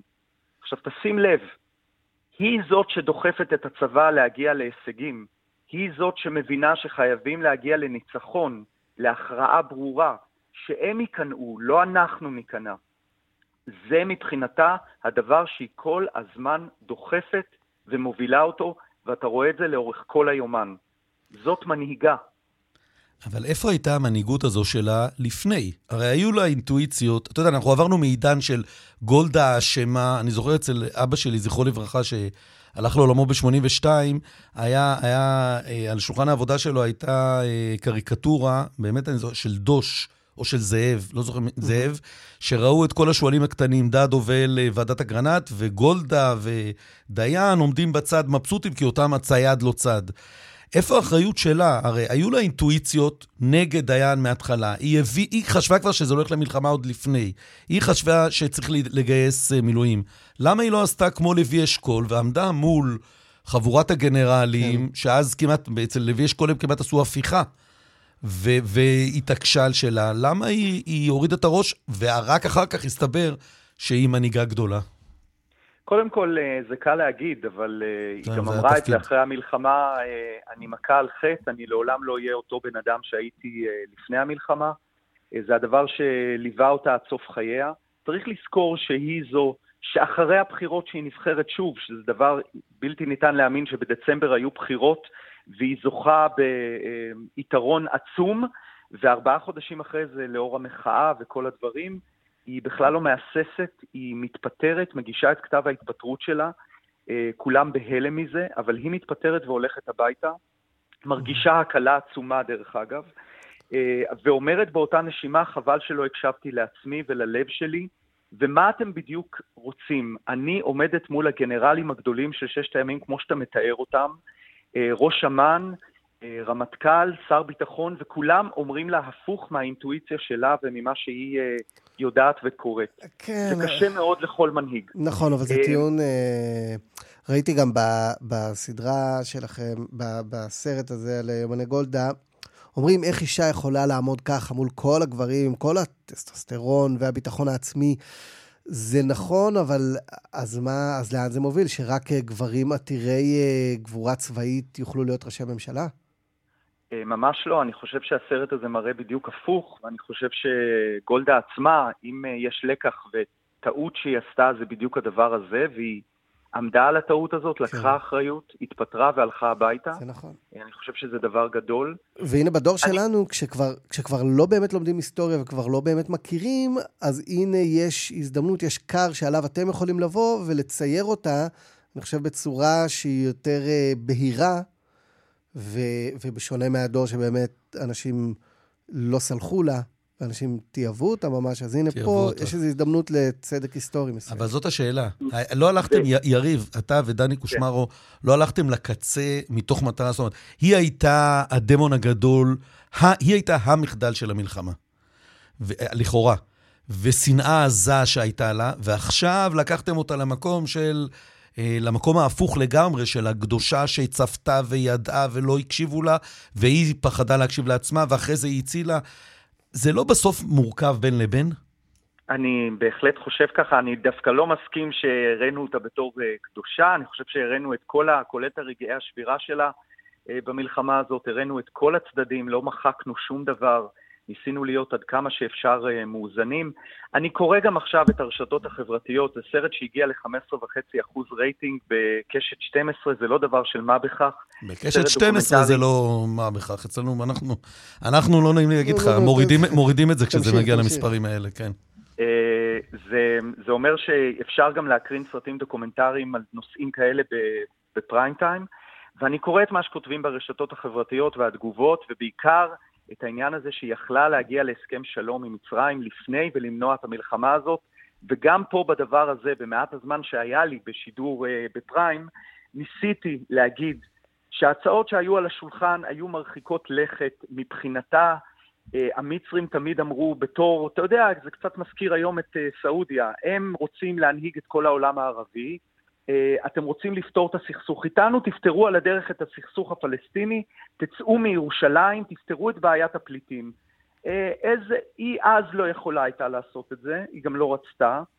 אה, גם היום, אני, אני אה, סימני שאלה איך זה ייפתר העניין הפלסטיני. אה, אז אנחנו באים ומאשימים אותה על הדבר הזה שאי אפשר היה למנוע. מצרים לדעתי בכלל לא רצתה באמת. עובדה היא שאחרי המלחמה אה, נענו יריב לכל מוזר. הדברים האלה. ממשיך אה, להחזיר לנו לתוך ה... ממשיך, יש לו, זה כבר הופך להיות מפעל חיים, יריב, תשים לב. אה, יחד עם דני קושמרו בסרט יומני גולדה, אה, תודה ידידנו. תודה יובל, תודה עקיבא. ש... פרסומות ואנחנו ממשיכים. למי שמצטרפים אלינו כעת נאמר שאמילי אמרוסי לא כאן, את אה, נעלי העצומות, אה, משתדל למלא אני עקיבא, ואתה אבל הפרופסור אה, אלבשן כאן איתנו, לא אלמן ישראל. לא, לא, לעולם, תמיד אנחנו נמשיך. וממשיכים, אה, יש המשכיות בתוכנית, בהמשך לדברים שנאמרו כאן. נכון. תוכניות קודמות, לא צריך להזכיר, כי אני מניח שהמאזינים שלכם נאמנים ומכירים. ובכל זאת, כן. דיברנו אה, לא מזמן בנושא, גילינו לתדהמתנו, שכשחיילים משוחררים רוצים לעבוד בעבודה חינוכית בפריפריה, הם לא מקבלים עבודה מועדפת, אלא אם הם, לעומת דווקא בפריפריה. בתחנות דלק, בכפרים וכולי, ואנחנו אומרים אה, בוקר טוב, כי אנחנו רוצים לעקוב אחרי הנושא הזה, לתיראל כהן, שהיא מייסדת קדמה, של קדמה התיישבות צעירים. שלום תיראל. היי, שלום, מה נשמע? קודם כל, אה, מזל שיש פה את עקיבא, כי אני קראתי לך תיראל, וזה תיראל? תיראל, נכון, מלשון יראה. כן, כן, הבנתי.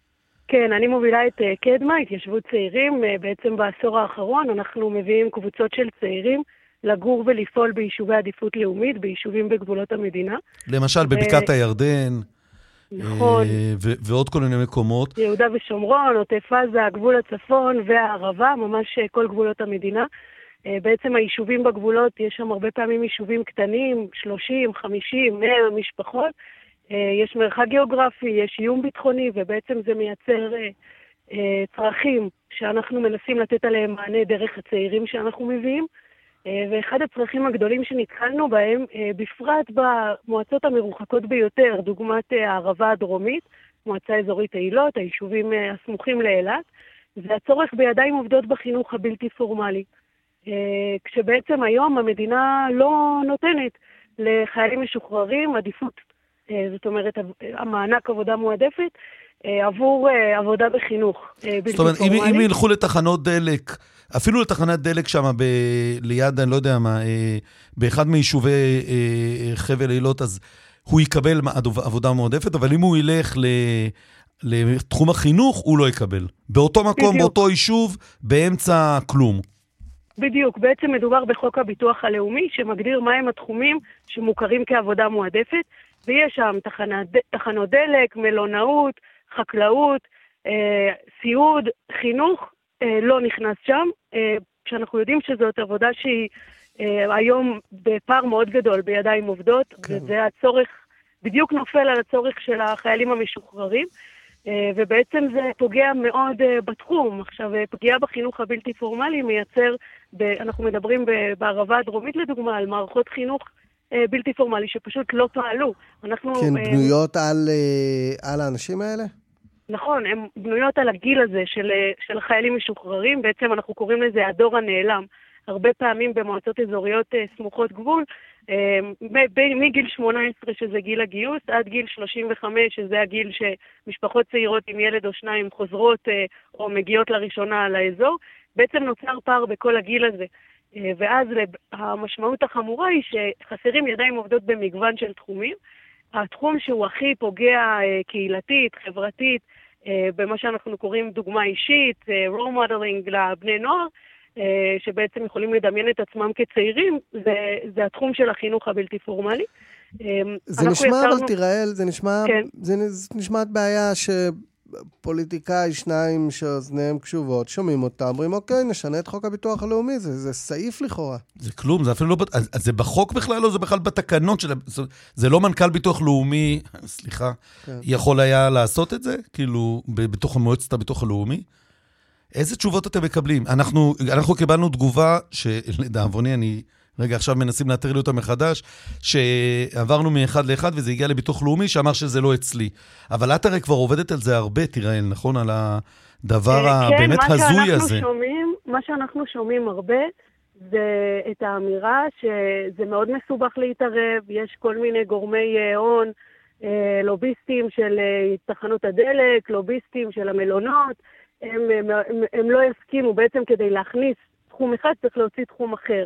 מדובר בהרבה, מדובר בעצם כל חייל שעובד אה, מספר מסוים של חודשים, חייל משוחרר שעובד מספר מסוים של חודשים, בסוף התקופה הוא מקבל מענק. אה, תלוי בכל מיני קריטריונים, בסביבות הבין 8 ל-10 אלף שקל. אז בעצם וואלה. כדי שהמדינה תהיה מסוגלת לתת את המענק הזה, והיא צריכה להוציא אה, תחום אחר אה, שהיום מוגדר שם. ובעצם מדובר במאבק ראש בראש אה, בין החינוך הבלתי פורמלי אה, לבין, ה... לבין השאר התחומים שנמצאים שם כיום.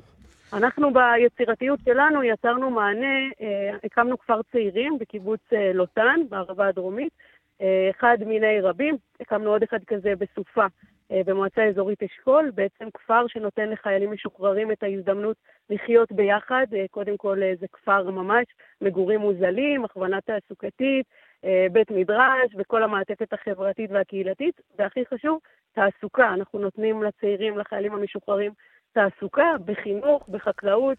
אה, לפי את. את פשוט על הכיפאק. אין, את עובדת, את גם עושה, את גם עובדת בתקשורת. אם אתם רוצים, תיראל, אה, פועל חקלאי עם ידי זהב, נמצא פה אה, אלבשן יובל. כן, ידי זהב זה אני. לא באמת, כאילו, האנדימן... תגייס אותו למטע הדובדבנים של אבא שלך. כאילו. האנדימן אחד זה, וגם אני טוב לי בבקעת הירדן. סטודנט ברוחו כי אין לי בכלל- כפלים, זה לא, אני לא מזיע. סטודנט ברוחו, וגם אה, לפי איך שהוא השיג את התואר הפיקטיבי שלו, הפרופסורה, אז באמת הוא צריך לחזור נכון. קצת לעוד סיבוב.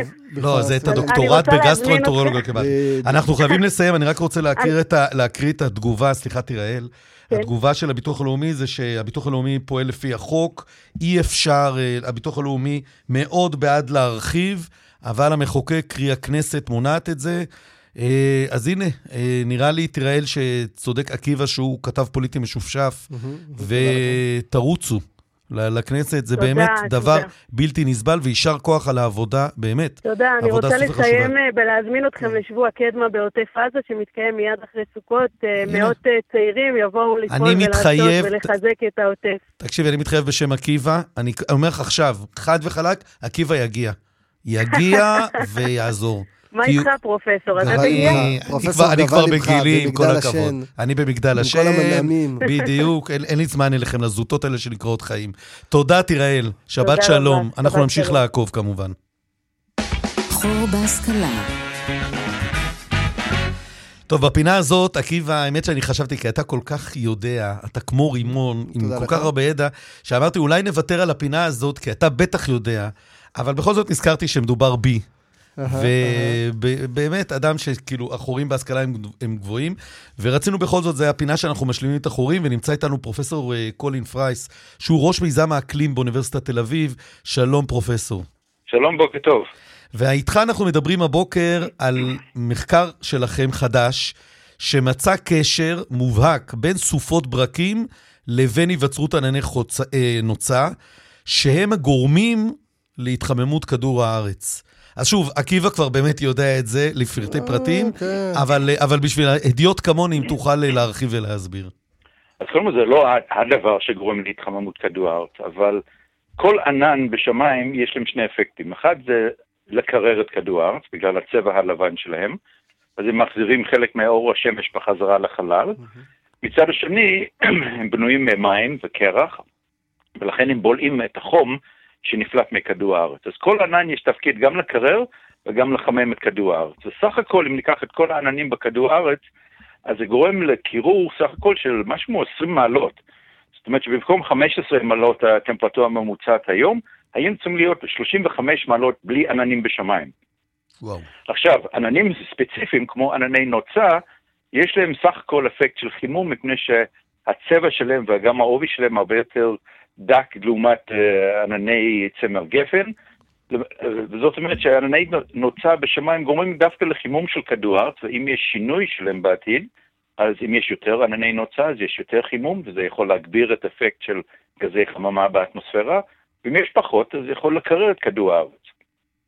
ואנחנו מצאנו שיש איזה קשר בין סופות רעמים בכל העולם, ככל שיש יותר ברקים ויותר סופות רעמים, יש יותר ענני נוצה בתוך השמיים, ולכן אה, אם באמת כתוצאה מהתחממות כדור גם יש עלייה בכמות הברקים וכמות הסופות רעמים, עלול להיות גם עלייה בכמות הענני נוצה, שזה מגביר את אפקט החממה.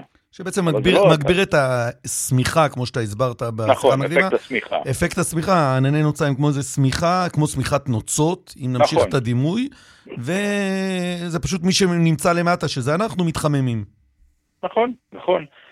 קוראים להם ענני צירוס בשפה המדעית, שהם באמת ענני קרח, אה, הם בגובה של אולי עשרה קילומטר עד 15 קילומטר, אז הם רחוקים מפני השטח. הטמפרטורות כל כך נמוכות שם שאין מים נוזלי, אז ענני צירוס, ענני נוצה הם אה, עננים של קרח, והקרח הזה נותן חלק מאור השמש לעבור דרכם, לפעמים רואים את השמיים דרך ענני נוצה, אבל החום שנפלט מכדור הארץ נבלע על ידי העננים האלה, אפקט השמיכה. עכשיו, אתם מצאתם עלייה במספר סופות הברקים הללו, נכון? אה, זה חלק מהמחקר שלי לטווח ארוך, אז אנחנו, אין לנו באמת הרבה מידע על אה, ברקים יותר מאולי 20 שנה, וכדי לראות אה, מגמות, אנחנו צריכים 50, 60 שנה, אז משתמשים מה, במודלים. מה, מה זאת אומרת? לפני 20 ש... רק לפני 20 שנה התחילו למדוד ול- ולעקוב בצורה שיטתית אחרי ברקים? בסקאלה גלובלית. אז היו כן. רשתות מקומיות, כמו בישראל או באירופה, אבל כדי לדעת מה קורה עם האקלים, צריכים להסתכל על כל הפלנטה. נכון. אז, אה, אז רק אה, סדר גודל של אפילו עשור או קצת יותר, יש לנו נתונים גלובליים. אה, יש גם לוויינים, אבל לוויינים גם, זה סדר גודל של עשר שנים, עשרים שנה, אז קשה מאוד לראות מגמות עם הברקים, אבל על ידי מודלים וכל מיני פרמטרים שאפשר לקשור לברקים, אנחנו כן רואים איזושהי עלייה בעשרות שנים האחרונים, ואם מסתכלים קדימה עם מודלים של אקלים, אז צפוי להיות עלייה של סדר גודל של עשרה אחוז בכמות הברקים לכל מעלה התחממות של כדור הארץ. אז מה עושים, פרופסור? צריך להפסיק עם סופות הברקים? לא, לא, צריכים להפסיק את הפליטה של גזי חממה באטמוספירה. זה. זה, זה, אמרת קודם, ברישה של דבריך, שזה לא הגורם העיקרי להתחממות. האם נכון שנפיחות של פרות הן גורם עיקרי להתחממות כדור הארץ? אתה שואל ברצינות או בצחוק? ברצינות? כי לא, לא, פרופסור, זה כי-. כי שתדע לך שכל איש רציני. כן, לא, לא, זה זה שאלה גם, שאלה טובה, וזה כן משפיע, אבל זה לא הדבר העיקרי. כאילו, אפשר לעשות דירוג לכל הגורמים שמשפיעים על ההתחממות הגלובלית. הכל קשור לגזי חממה, אבל בעיקר אה, זה השימוש באנרגיה מדלק פוסילי, משרפה של פחם ונפט וגז טבעי, שגורם לפליטות של CO2 לתוך האטמוספירה, אבל מתאן זה מספר שתיים. מתאן זה הגז שיוצא מפרות, אבל גם, גם ממזבלות וגם משדות של תירס. אני, אני לא עדיין, תירס, אני עדיין, ש- אני. שקוע בעובדה ש... מ- מאיפה אתה יודע את הפרט ה... איך הגעת לעניין הנפיחות של הפרות? והגרפסים, כן. זה, האמת היא שזה בעיקר הגרפסים, אנשים חושבים שזה בצד השני, אבל זה בעיקר מהפה. כל, כל חיה כמו פרות וכבשים, שיש להם שני אה, אמ, כאבות, אומרים? כן, סטמיקס. כן, כן, אה. ב- אז, אז אה, התהליך של התסיסה אגב, של אין, האוכל... לדעתי אין קיבה, אין קיבה ברבים, אתה צודק, פרופסור. יש להם קיבה גם לקינוחים אולי. לא, אבל אין, ק- אי אפשר להגיד קיבות. אנחנו נשאל את רות אלמגור כהן, אבל... טוב, זה כבר חור בהשכלה אחר. כן, אה, אבל, אה, אבל במצב של הפרות, למשל, בבטן שלהם יש את התסיסה של האוכל, ואז יוצא מתאן מהפה שלהם, בעיקר. אבל בוא, בוא, רגע, בוא, בוא רגע נחזור ל... כן.